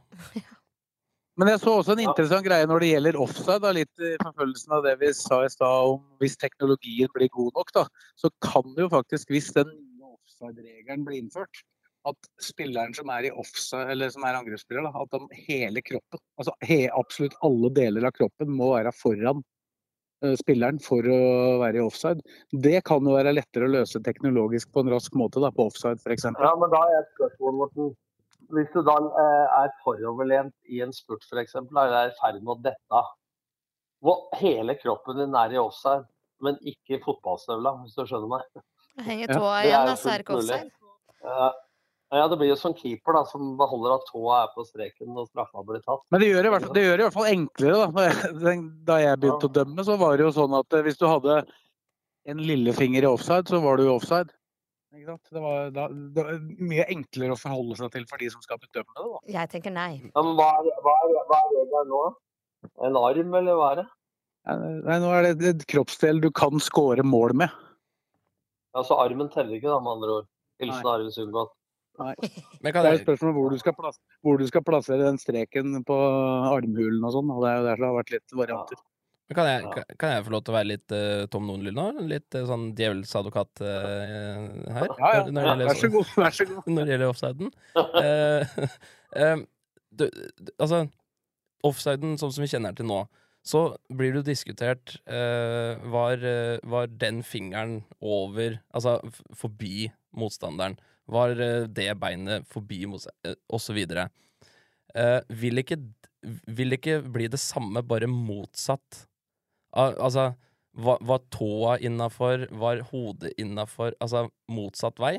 Altså, vil du ikke se på de samme situasjonene, bare, Omvendt. bare omvendt? Jo. Jeg, nå, nå, nå, nå, eh, spør jeg bare. Men det er liksom, da, da blir det ikke noen diskusjon, da skal hele kroppen være. Jeg vet, dette skal annet prøves ut i Sverige, så jeg. Tenker alt eller Jeg, Nei, Jeg er skeptisk. Ja, igjen er jeg skeptisk. Jeg Det er- syns det er jeg syns det er mer fair sånn det er nå, da. Enn at eh, hele kroppen også Hvor går skjæringspunktet, liksom? Går det på ankelen, eller går det på skoen? Blir det avgjørende om du har 50 i sko eller 42 i sko? Ja, det kan plutselig bli Altså- veldig taktisk kynisk. eh, Ja.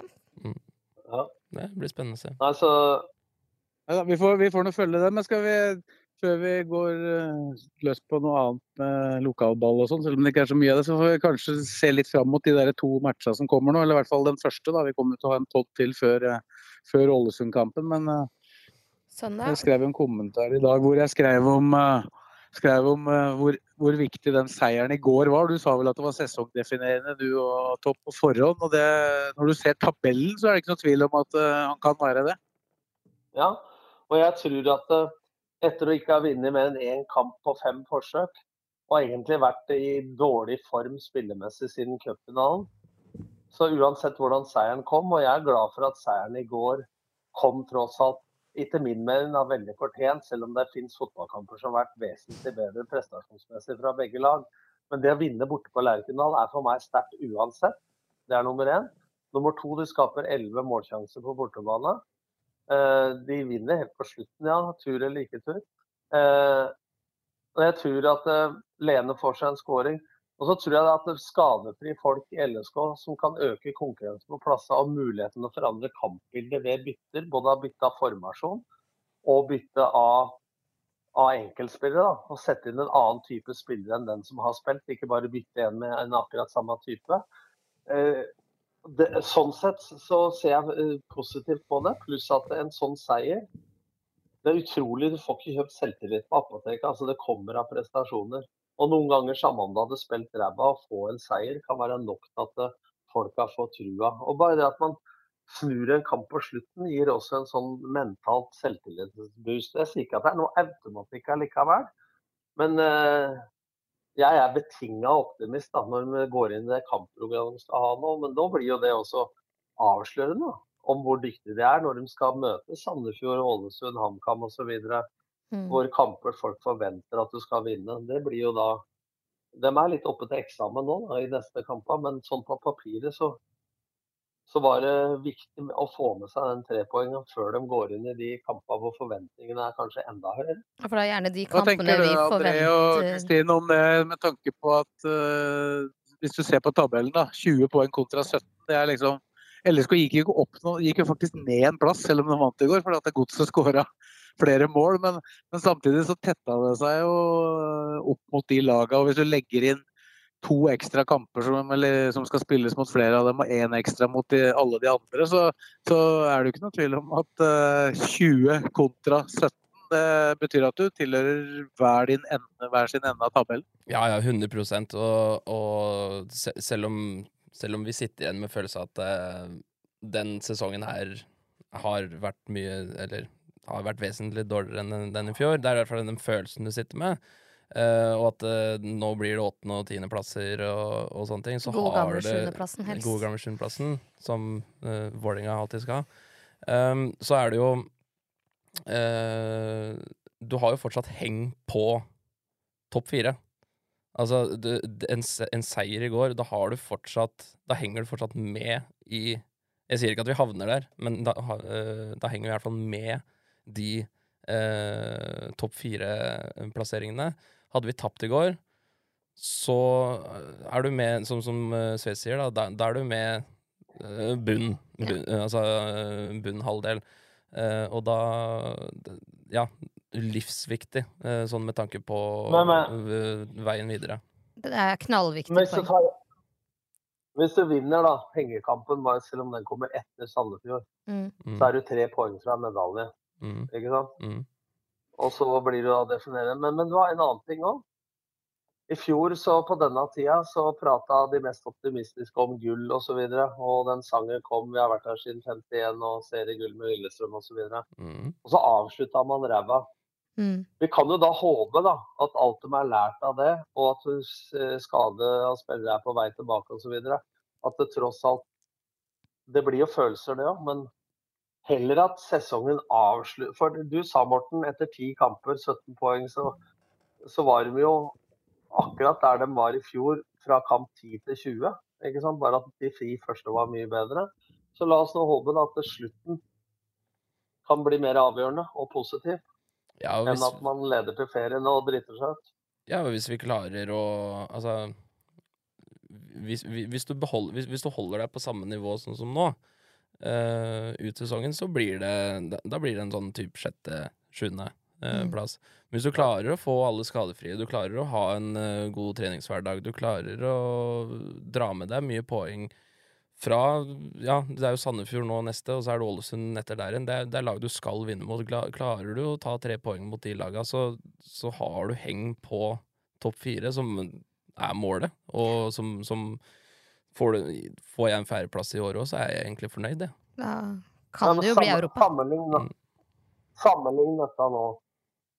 Det var ikke mer enn fire runder siden folk begynte å tenke at godset kommer til å kvalik eller ikke ned i år. Nå har de fire på rad. Ikke sant? Mm. Får du ei rekke, og så er det andre lag også som har hatt flyt i det siste, som Viking osv. Altså, la oss si en sesong da på 30 kamper. Hvis du sier at du spiller ti bra kamper, så vinner du de ti. Ikke sant? Da står du i serien. Bare for å ta et sykt eksempel. Mm. Så spiller du ti middelskamper, og så spiller du ti ræva-kamper. Det er hvor mye poeng du tar på de ti middels og de, de ræva, som definerer tabellen. Mm. Ikke de ti hvor du er konge, hvis du skjønner meg. Ja, og det er jo veldig eh. typisk Lillestrøm å tape de kampene hvor det er forventa at man skal vinne, og vinne når det ikke er forventa. Altså vi som supportere dro jo ikke til Lerkendal med forventninger Ja. om tre poeng, mens alle trønderne Ja, vi møtte i byen, sa jo at dette her blir årets letteste trepoenger for dere. Men det er jo derfor jeg er litt mer optimist nå, da, for er det noe Lillestrøm Jeg, jeg påstår i fjor vår så skårte Lillestrøm mye mer på dødball. De tok ledelsen i kampa, motstanderen måtte jage. Lillestrøm fikk mer rom. Når de leda serien eh, ut på våren, eh, sommeren, så begynte laget å legge seg 5-4-1. Ta mye mer hensyn til Lillestrøm. Nekte innlegg, sørge for at det ikke blir så mye dødballer. Og så lå Lillestrøm under, og så måtte de jage. Og Lillestrøm sin evne i takt med treningshverdagen med mye skader, og dems evne til å spille angrep mot etablert forsvar, var for dårlig i fjor høst. Nå har de spilt såpass mye mot etablert forsvar at hvis de spiller som i går, og bedre, så er jeg optimist. spillet som mot Tromsø, hvor du spiller fra A til B og B til C, og, og vender spillet sakte og alt på ei side og ingen bakgrunnstrussel, så tror jeg ikke det går. Men det burde ha flere verktøy i kassa nå til å spille angrep mot etablert forsvar enn de hadde på samme tidspunkt i fjor. For de nettopp har gjort det mye mer, da. Mm. Det er noe av poenget mitt. Mm. Eller og Kall det optimisme, da, eller kall det supporter eller faglig, eller hva du vil. Men det er i hvert fall min gjetning av et sesongavslutningsbilde. da. Ja, og det, og, og, og det kan godt stemme. Uh, og jeg tror, eh, jeg tror et annet sånt uh, det, det, er noe jeg tror. Jeg tror ikke Tromsø klarer å opprettholde den uh, si, sta Nå er vi jo halvveis, nesten. Men den, den starten de, de har nå, med, med andreplass og alt er, alt er dritbra der oppe Jeg tror ikke de klarer å å, opprettholde en sånn topp fire-prestasjon gjennom hele sesongen. Og da er det jo enda viktigere eh, å, å kunne Hvis du klarer å forbedre spillet ditt eh, og, og, og, og henge med topp fire der, eh, og hvis jeg får rett, at de rakner litt og havner på en femte-sjetteplass Tror du vi vinner der i år? Nei, det tror jeg ikke. Eh, Men jeg tror, det tror jeg jo aldri. Det bare hørtes nesten sånn ut, så jeg bare wow, tur. Nå, Nei, altså, historien, Den nære historien er jo faktisk sånn at Tromsø har vært best på Åråsen og LSK har vært best på Alfheim. Eller vet. Romsa, som det vel heter nå. Jeg har jo fortsatt For meg ikke det- opplevd tre poeng der heller, jeg. Men jeg har vært der to er- ganger. For meg er de største konkurrentene til eh, sølv og bronse, da er det Molde og Viking, sånn jeg ser det nå. Sarpsborg, bra, men ustabile.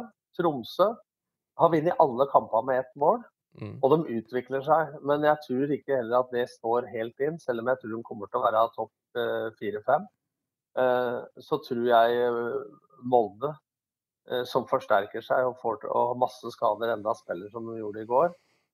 Jeg har ikke sett maken til rundspilling av Brann noen gang, selv om det bare var 1-0. Mm. Så tror jeg, tror jeg Og Viking, eh, jeg tror de lærte litt av i fjor at eh, de leda jo serien til 16. mai. Og jeg tror ikke de eh, Stallen til Viking er jo mye breiere enn Brann sin, f.eks. Og, og i fjor, da. Så, men jeg forventer, eller håper, at det ikke skal være Det kan ikke være noen målsetting for Lillestrøm å havne dårligere enn de var i fjor. Si det sånn. Det er det vel ikke heller. Nei, da blir man jo skuffa, selvfølgelig. Og så blir det veldig spennende å se hvordan disse lagene her ser ut eh, 31. august, da, eller eh, rundt 1. august. Så det vil jo sikkert bli mye tidlig, tidlige signeringer nå pga. at det er en del som har solgt spillere. Men det kommer til å bli det kommer til å bli skje en del overganger i disse klubba som ligger topp åtte nå, da. Mm. Ja. Men uh, hvem starter i Sars... Ikke i Sarpsborg, prøver igjen. Hvem starter på søndag?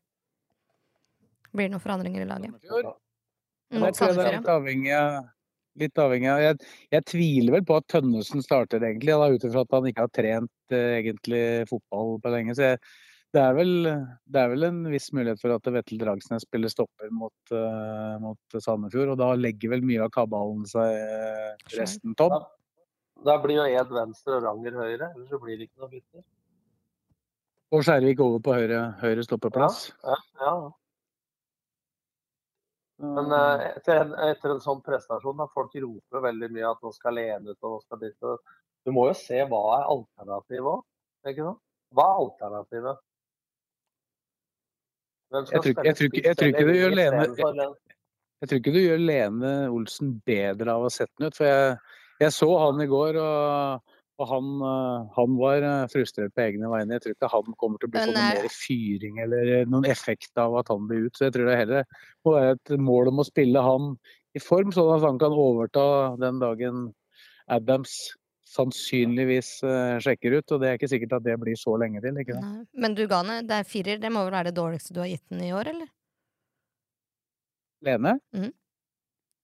Nei, det har vel vært flere ja, Nå var han jo så heldig at han ikke spilte den kampen mot Sarpsborg, så da kom han jo inn og gjorde en forskjell den andre veien. Men jeg tror, Da fikk han vel en femmer i det. jeg tror, eh, jeg, jeg tror eh, Lene eh, er ganske revansjesugen nå på søndag. For det, de, hele laget og spillere satt jo på, satt jo på Værnes Mm. og venta på flyet i går, sammen med Sammen med, sammen med Det er viktig å påpeke. Sammen med supporterne. Ja, de tok eh, Eh, flyet halv ti, og noen av oss tok flyet ni. Men det var en blid Ja. gjeng som kom. ja, Garnås har aldri smilt så lurt som da han gikk forbi oss, Det var en blid gjeng, med unntak av uh, Lene Lene, Olsen. ja. Han uh, hørte jeg Jeg satt jo på bussen, men jeg hørte at han uh, Han satt der og var ganske prega. uh, så jeg tror han er ganske sugen Men når du, på men når du, men når du i det du sier det, André Det er da jeg skulle ønske da ordet supporter virkelig tredde fram. Som Morten Svesingen nå er innom. Mm. Tror du han blir bedre av å få hets eller å bli vraka nå? Hvis du tenker det potensialet Thomas Lena har den spilleren han har vært på LSK, den første som skrev under kontrakt etter eh, man rykka ned, eh, og skårer 25 mål, ikke sant? det signalspillet han har vært. Hva med å støtte han litt ekstra nå, istedenfor la de Nå vet jeg at de, det er ikke brorparten, da, men altså de der oppkjørerne nå som driver og skal slenge han ut At det var til og med noen som skrev 'få Garnås Lene', det var tre-fire til. Til helvete vekk fra klubben og sånn. Da blir følelsene for meg for idiotiske, da. Det blir litt for Altså, intenst. Ja, men det Thomas Lene trenger nå, det er jo den støtta man alltid gir til Eskil Ed og Tobias Svendsen osv. Ikke sant? Altså, er ingen, det er ingen som er så forbanna som du sier, André, eh, som Thomas Lene når de gjør det dårlig. Du ser kroppsblokka altså når han bommer på sjansene. Det positive er han er frisk. Nummer to, han kommer til sjanser. Jeg er helt sikker på at han kommer med at Nå har mentaltrener i LSK også en jobb å gjøre. Mm. Og Geir Bakke begynte allerede i går etter kampen i intervju å si at eh, Thomas kommer til sjanse, det er positivt. Han må bare fortsette, så kommer det. Og Det er den backinga han har For det er mange som Jeg husker vi i start også ikke skårte mål. På tre kamper så begynte alle å si nå må du trene avslutninger. Hvis jeg hadde gjort det da, så hadde jeg innrømmet at vi hadde et problem. Mm. Vi kjørte mentaltrening og, og lå og slappa av og sa sett deg inn i en situasjon du har slitt i det siste, og driv visualisering og se deg sjøl lykkes. Hva tenkte Thomas sist gang han skårte mål? Hva tenkte han når han skårte 25 mål i den sesongen? Han må jo øve på de gode følelsene han hadde når han gjorde det bra. Hvis han begynner å analysere noe hvorfor han gjør det dårlig. Det blir som når sønnen din svømte. Så sa han vi må finne ut hvorfor jeg var dårlig. Sånn. Ja, da blir du god på å være dårlig, da, sa jeg. Hva gjorde du sist gang du var god? Han er vel heller sitte og se på de 26 måla fra 2021. Ja, Se hva som gikk bra da. ingenting som gjør altså, meg for- gladere enn om han går inn på søndagen og scorer en hat trick. Ja, ja nettopp. Men å gjenskape og videreutvikle gode prestasjoner, da gjelder det å fokusere på hvorfor det var bra når det var bra, istedenfor å svartmale alt. da. Som noen sier at du skal pælme den ut av klubben, og hvorfor spiller han osv. Hva faen er alternativet? Ja. Altså Sånn som det har vært i det siste, så har jeg lyst til å si som Helmut Steffens, en gammel trener i Vålerenga gamle da. Når klanen ropte 'bytt da, for faen', så, så pekte han på benken og sa 'se hva jeg har'. Altså. Men det har jo ikke vært så mange alternativer. det var kanskje ikke så bra det heller, da. Da er det kult å Nei, sitte nei, benken. det er enig. Ja, ja, men det var litt humor i det. Hva har alternativet vært i det siste? Nå begynner jo folk å komme tilbake.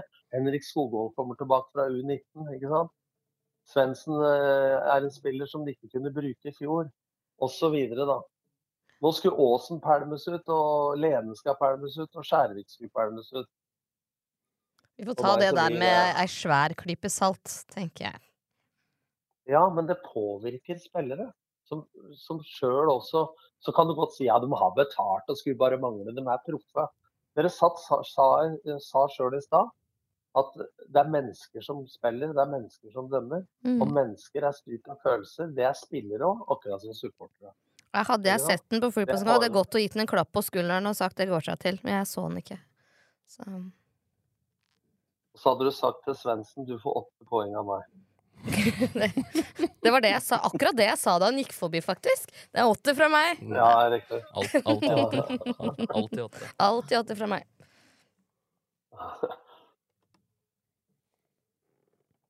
Da prøver vi oss med litt lokalfotball i dag òg, selv om Blakeren ikke er der. Du er, jo, du er jo kjent for å se ganske mye lokalfotball du og André, selv om eh, det ikke er så mye av det nå om dagen.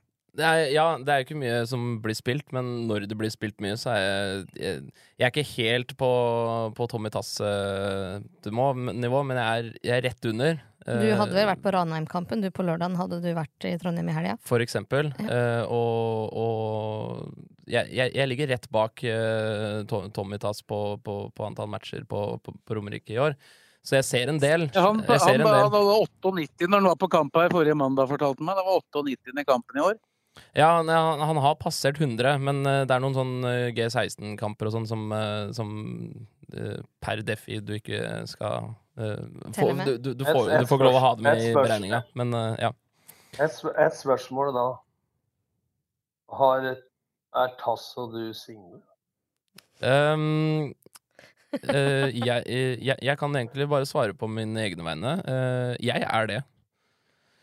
Eh, eh, Tass er det vel fort han også, så vidt jeg vet. Jeg Hvis ikke, mistenker det. hvis, ikke, så, hvis ikke så har du lagt inn søknad for å bli det. var det. Nei, men det er eh, eh, i, i dette som eh, banehoppemiljøet, som, eh, som det så fint heter. Um, jeg, jeg kjenner veldig mange i det miljøet, og både i inn- og utland. Uh, og det er, uh, det er mye single menn. det er Rart, det. rart er det. Det er det. ja, men nå er jo Tass, Tass Marius Helge og deg Jørgen Knutsen og driver og hopper rundt i breddefotball nede i Sverige, rett som det er. Ja. Ja. Så det, Jeg syns også, jeg må si, jeg må si det, altså i år har jeg vært sløv. Men hvert eneste år syns jeg ofte at det har vært kulere å se en fjerde, tredje andredivisjonskamp på Romerike enn å sitte og se på Premier League eller Ja, altså, det er sosialt, og det er hyggelig, og ja. Er- Drar du til Skjetten, kan du kjøpe en spesial og Nei, det Det er hyggelig. det ja er, det, eh, nei, dit tør jeg, tør jeg ikke å dra. er, ja, men det, det, er- det er nettopp det, da. Det, er- det, er, eh, det er lokalfotballen og eller breddefotballen, uh, hvor, du, hvor du virkelig får liksom uh, Hvor du ser uh, betydningen av fotballen. Da. Det, er, det er dugnad, det er, det er dårlig fotball, det er dårlig humpete gress. Det er, men de, de har jo samme lidenskapen og innsatsen på banen, sånn som uh, de, de i Eliteserien. Og du, du møter kjentfolk, du møter ukjente folk, uh, slår av en prat med Tass og, Skrik litt til dommeren, og- litt til dommeren, selv om du ikke er på noen av Ja, lagene. det, Så det, er- det, det er helt, det er helt nydelig. jeg har jo stått bak Blakeren nok ganger oppe på Brunvollen. Vår teknisk sone er fra midtstreken ned til cornerflagget med den der gi opp-buksa si. Ja, det er lang, Og se den derre den der serien han lagde på TV, når Gunnhild Tonnes intervjua han, og, og han sier dette betyr så mye for meg og forfatteren, og Ja. begynte å prate om broren sin og, og ja, Bjørn David, og, og liksom tårene rant. Altså, jeg støtter deg 100% i det. Mm. Den, på det. Og det er det som er det herlige med det. Du, er, du må jo ikke være eliteserie, du må ha passion for det du holder på med. Ja. Og det du gjør, da, uansett nivå, gjør det ordentlig. Og når du gjør det ordentlig, da er det følelser. Men så for å svare på spørsmålet ditt, uh, Sveis. Ja, jeg ser mye breddefotball på Romerike. Ja, du kom dit, ja. Ja. men det har jo vært spilt litt, da. Det var kanskje Eidsvoll-turen som eh, folk har lagt mest merke til. Den eh, klinka jo til med 8-0. Etter at vi prata i forrige pod om at de eh, faktisk hadde misbrukt litt flere sjanser i det siste, men eh, det løsna godt på lørdag mot Brumunddal. Ja, han, eh, han eh, Bakke fikk jo sjokk, da, for han har jo vært litt på lokalfotballen. At han ikke har fått noe ros, men nå fikk han ros til med der. Så han var i nærheten av Ritrit og sånn. Nei, Johan Andersson eh, det var jo favoritter sammen med Hønefoss, da, men de har spilt en eh, fin fotball. Skåret mye mål. og Det handler vel om å slå Hønefoss på hjemmebane. da. For de har jo bedre målforskjell. For det ser ikke ut som de har tenkt å tape av noen av lagene mot noen andre. Nei. Da- Vi, ble, jo- vi kan jo ta det med en gang. da. Vi ble jo, vi ble jo tagga på Twitter i helga, både du og jeg og Blakeren, eh, Tom. For eh, det var jo da selvfølgelig en drikkepause da, midt i hver omgang på Hønefoss. Det var målt 20,5 grader der oppe, så det er klart da måtte det en pause til. Ja, men det, vet du, da, da holdt jeg på å få flass. Altså, for det, nå vet jeg ikke hva reglene er, men for et par år siden så var det sånn at da måtte begge laga godkjenne hvis banen skulle vannes, og det begge lagene måtte godkjenne hvis det skulle være drikke. Og når jeg trente Skeid, så nekta jeg konsekvent drikkepause, samme faen hvor varmt det var. Fordi at jeg mener, Da går det litt på skills på støtteapparatet, hvor flink spillere av støtteapparatet er til å få i seg væske osv. Og da ser man hvem som er best forberedt, og hvem som er best trent, og hvem som tåler dette. Uh, og det er greit, nå er det en sånn, det var han uh, Jo Rabe, han spikeren på Kongsvinger, som skrev at retningslinjer Norsk Tippeligaen tredjevisjon var 28 grader for drikkepause. Her smelter de i gang en drikkepause på 20,5 grad. Det, det er jo ikke varmt. Skal du ha varmepause da? Nå er treningskamper om vinteren, og da skal du ha pause og inn og varme deg, da? Eller hvis det er tre minus? Altså, supporterne hadde satt pris på det om man hadde gått inn og varma fingrene litt, men uh, spillerne bør jo i hvert fall klare å holde seg varme. Ja, men det er jo Det, det vil alltid være en spiller som ligger nede med en eller annen flis i fingeren eller et eller annet som gjør at uh, da, da, da, Bare ta den flaska som ligger på sidelinja, ja, altså, patt litt på den, så ta, blir det bra. Ta, ta nærmeste drikkeflaske ja. da. Du har noen minutter. Jeg skjønner ikke den der uh, drikkepausa. Nei, tøvete. Han er spesielt dum i Norge, hvor det da veldig sjelden er veldig varmt. Ja, og så sitter du der som ja, bane, det... sitter der som en banehopper og skal rekke neste match også, så da drar du ut, ikke sant? Det er helt håpløst. Men, men så er det sånn at eh, Vi snakka om det i forrige pod, at Lillestrøm var god første 20, og så etter han Jostein Gundersen og nede. Altså Det er nok at det blir en drikkepause, så kan man få prate om det. Hele momentet til det laget som er i gang, da, blir jo brytet òg, ikke sant? Mm. Man, skal det bli som håndball og basket, at man har timeout og bytter folk ut og inn? Og nei. Spill. Gjør det. I samme avdelingen som turen da, så spilte jo Fuvo mot uh, Elverum, som vel er det tredje beste laget, et stykke bak disse, disse to kanonene i topp der med Turn og Hønefoss. De uh, tapte 4-2. var folk, noen av Fredrik Nilsen var jo tilbake etter å etter å ha fått, uh, fått, et barn. Ikke han, da, men uh, sammen med fruen sin, da, sannsynligvis. Uh, det er vel deres før. Han, ja, ja det, er, det, er, nok det. Det er nok et felles barn. Og, men det endte jo med at de jakta De kom opp etter å ha ligget i 3-0, så kom de opp på 2-3 der og skulle jakte, jakte en utligning. Da ble han utvist, og da ble det 4-2 til Elverum isteden. Ja. Men de henger jo fortsatt litt, eh, de henger fortsatt litt uh, altså, det, er jo de tre i toppen der, men det er, jo, det er jo de to øverste som skiller seg kraftig ut. De, altså, Elverum ligger jo litt sånn ingenmannsland der. Her er en luke. Ja, ja de, er langt, de er langt bak, men de er jo ganske klare nummer tre, er de ikke? Ja, jeg har tabellen foran her. det er jo ti poeng ned til fjerdeplassen, altså, så det er vil si ja. Førsteplass 39, andreplass 36, og så er det 27 på tredjeplassen, og så er det 17 på nummer fire. Så de ligger jo, de ligger jo ti poeng foran og ti poeng bak. Sånn det er, men det er jo det er, det er, det er tidenes ingenmannsland på tredjeplass. Ja, det er det. Koser seg på øya si. Vi vi snakka jo om Fuvo, at de var vel i nordlandsgruppa i fjor, var de ikke det? Fiskekassegruppa, ja, mener du? Så, altså, ja, så tenkte vi på at det kom til å bli mye tøffere i år. Men jeg må jo si at Fuva var overraska litt positivt. Da. Jeg trodde hun skulle få slite mer i den avdelinga enn dere har gjort. Da. Så det, selv om de er i ingenmannsland, så er vel de ganske fornøyd med å være i ingenmannsland og ikke i nedrykksstriden. Som... Jeg tror det. Jeg tror ja, de er ikke i nærheten, de er ikke i nærheten av det.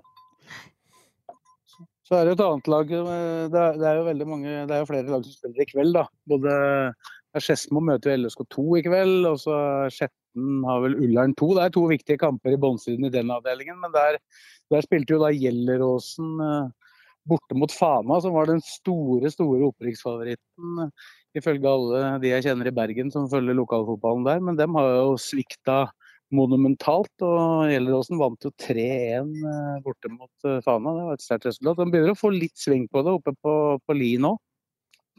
Ja, det er så treigt ut å begynne med, men eh, jeg vet ikke om du har sett noen kamp for det. Bare ett spørsmål før vi går videre, Morten.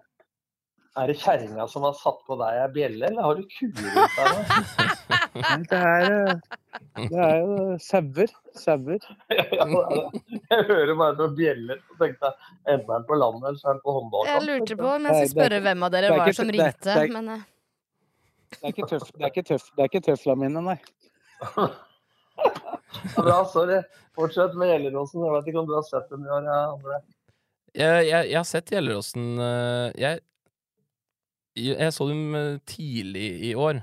Eh, det gjorde jeg. Eh, men jeg har, eh, jeg, jeg har ikke sett de nå siste, siste par månedene, så jeg, jeg, jeg er litt, litt short på, på, på, på Gjelleråsen der. Det må jeg innrømme. Ja, de har fått litt altså, resultatmessig. Jeg har sett noen av kampene, men resultatmessig har de fått uh, brukbart sving på det nå. Altså. Så, Ja, ja, det, de, er ikke, de er ikke i nærheten av noe opprykk eller noe sånt, men de, de ligger i hvert fall oppe og så banker litt. Og de har splitta seg inn i, inn i kampen der med disse bergenslagene som er ganske sterke. Dem og Frigg.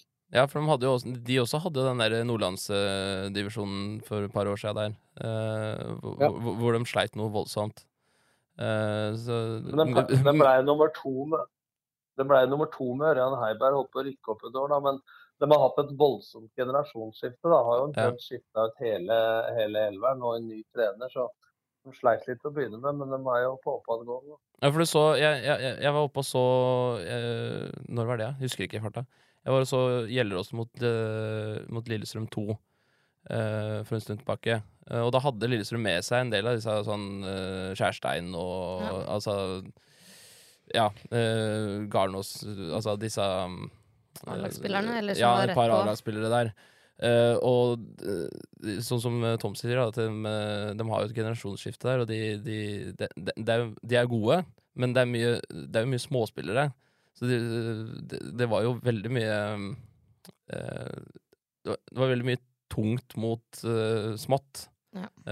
på, på der, og da, da, da De sleit litt mot sånn der voldsomt eh, sterke, sterke gutter. Mm. Men, eh, men spiller du bra, så, så spiller du rundt disse spillerne i tillegg. Så, så de, har, de har fått til noe der oppe. Det har de absolutt. Ja, men det, jeg må jo si det at jeg, jeg var jo litt sånn uh, Hjalp Ørjan Heiberg litt i et par år av mål der. Og jeg må jo si at uh, det er jo en klubb som produserer ganske mye spillere nedenfra. Har blitt en stor klubb, så det er vel en del spillere med Ja, det er- Gjelleråsen som kommer seg til Lillestrøm og andre. Ja, det er, det er mange som har gått uh, kommet inn uh, ikke, Og så har de forsvunnet tilbake igjen enten til Gjelleråsen eller andre steder eh, etterpå. Men uh, ja, du har jo den som er nærmest nå, som er fra Gjelleråsen opprinnelig, er jo Leandro Neto. Mm. Som er på benken på A-laget stort sett hvert hver kamp nå. og så har scoret- Han, han skåra vel ikke den kampen mot Skjetten, i og med at de tapte 1-0, men han, jeg tror han hadde seks, seks, eller mål i seks kamper på rad før det for LSK2. Da. Må også bare skyte inn at eh, begge matcha i dag spilles på Skjetten stadion.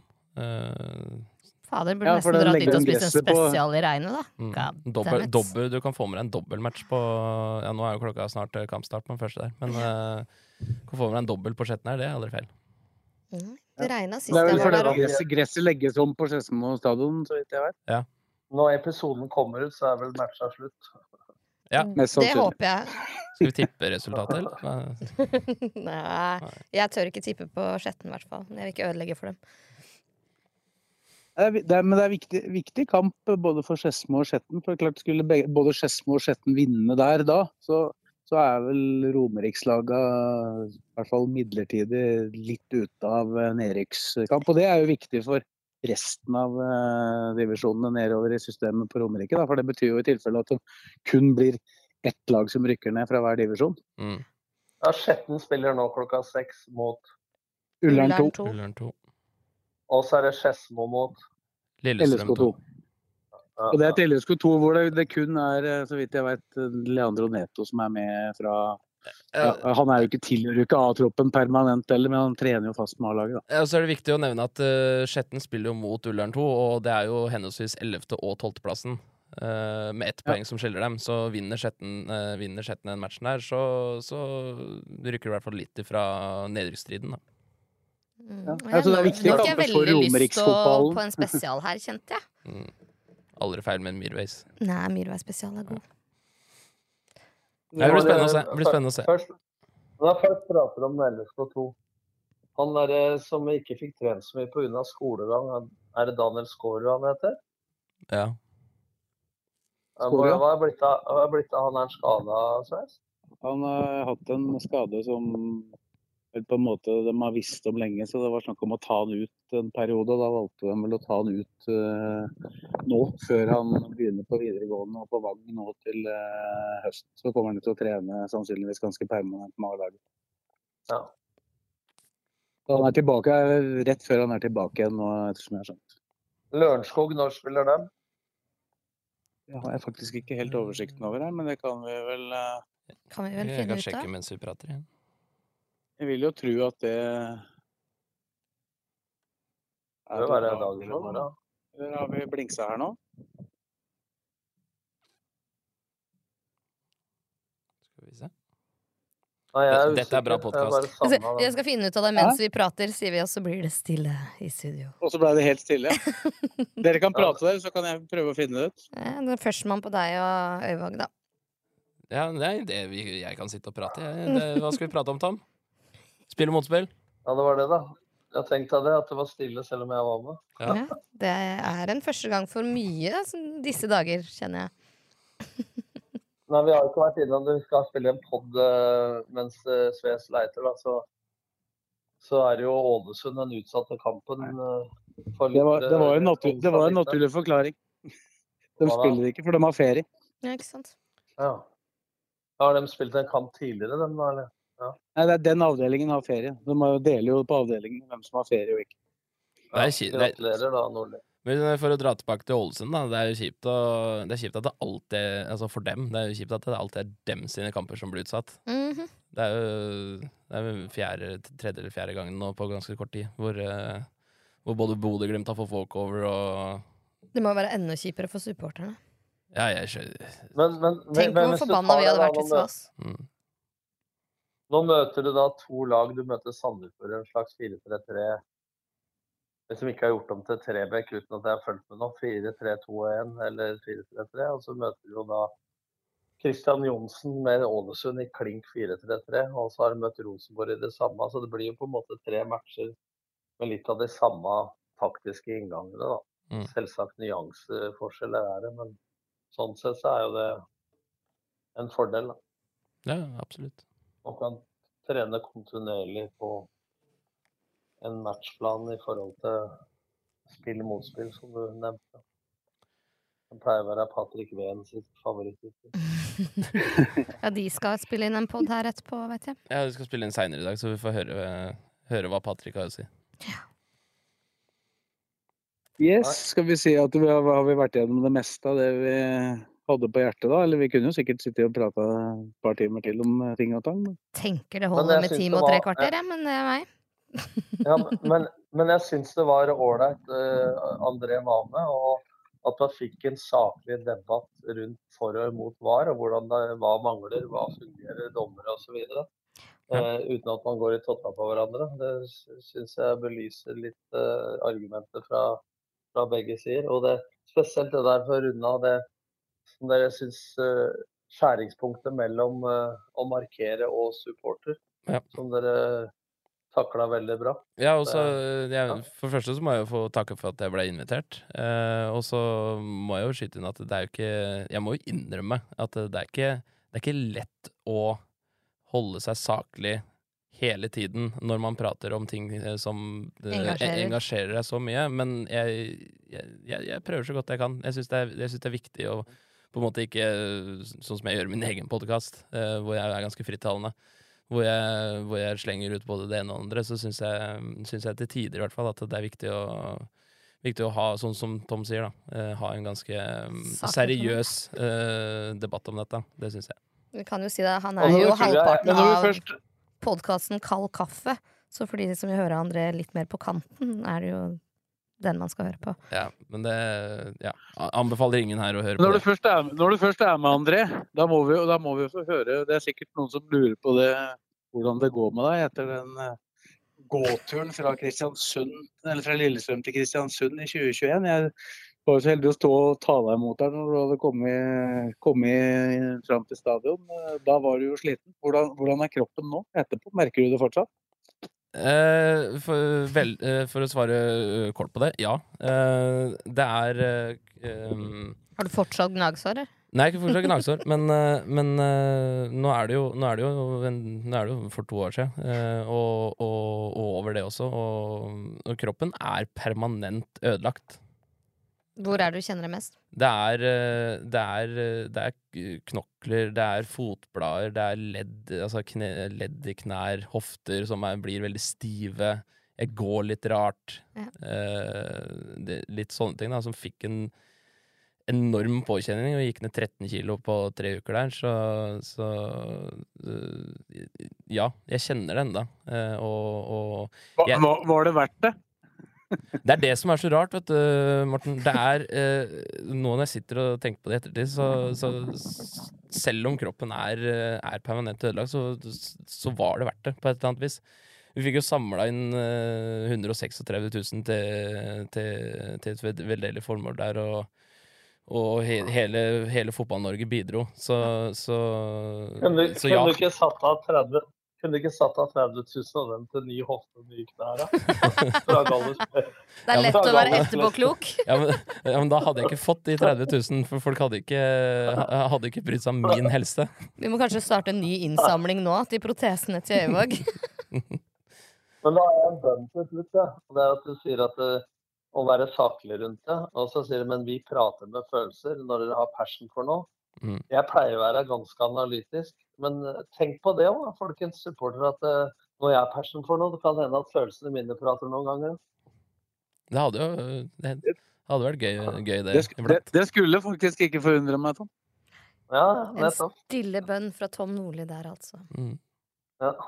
Selv om man Skal vi, skal vi si at det var bra for i dag, da, denne uka, så er vi tilbake igjen med en eh, ny pod i neste uke. Da må vi takke André for eh, oppmøtet og bidraget, ikke minst. Ja, takk, takk igjen for at jeg fikk eh, lov til å komme. Og takk til Kristine, og takk til Tom, og ikke minst da, takk til deg som eventuelt har giddet å høre på dette. Jeg håper at du har fått noe ut av det også, så er vi som sagt tilbake i neste uke.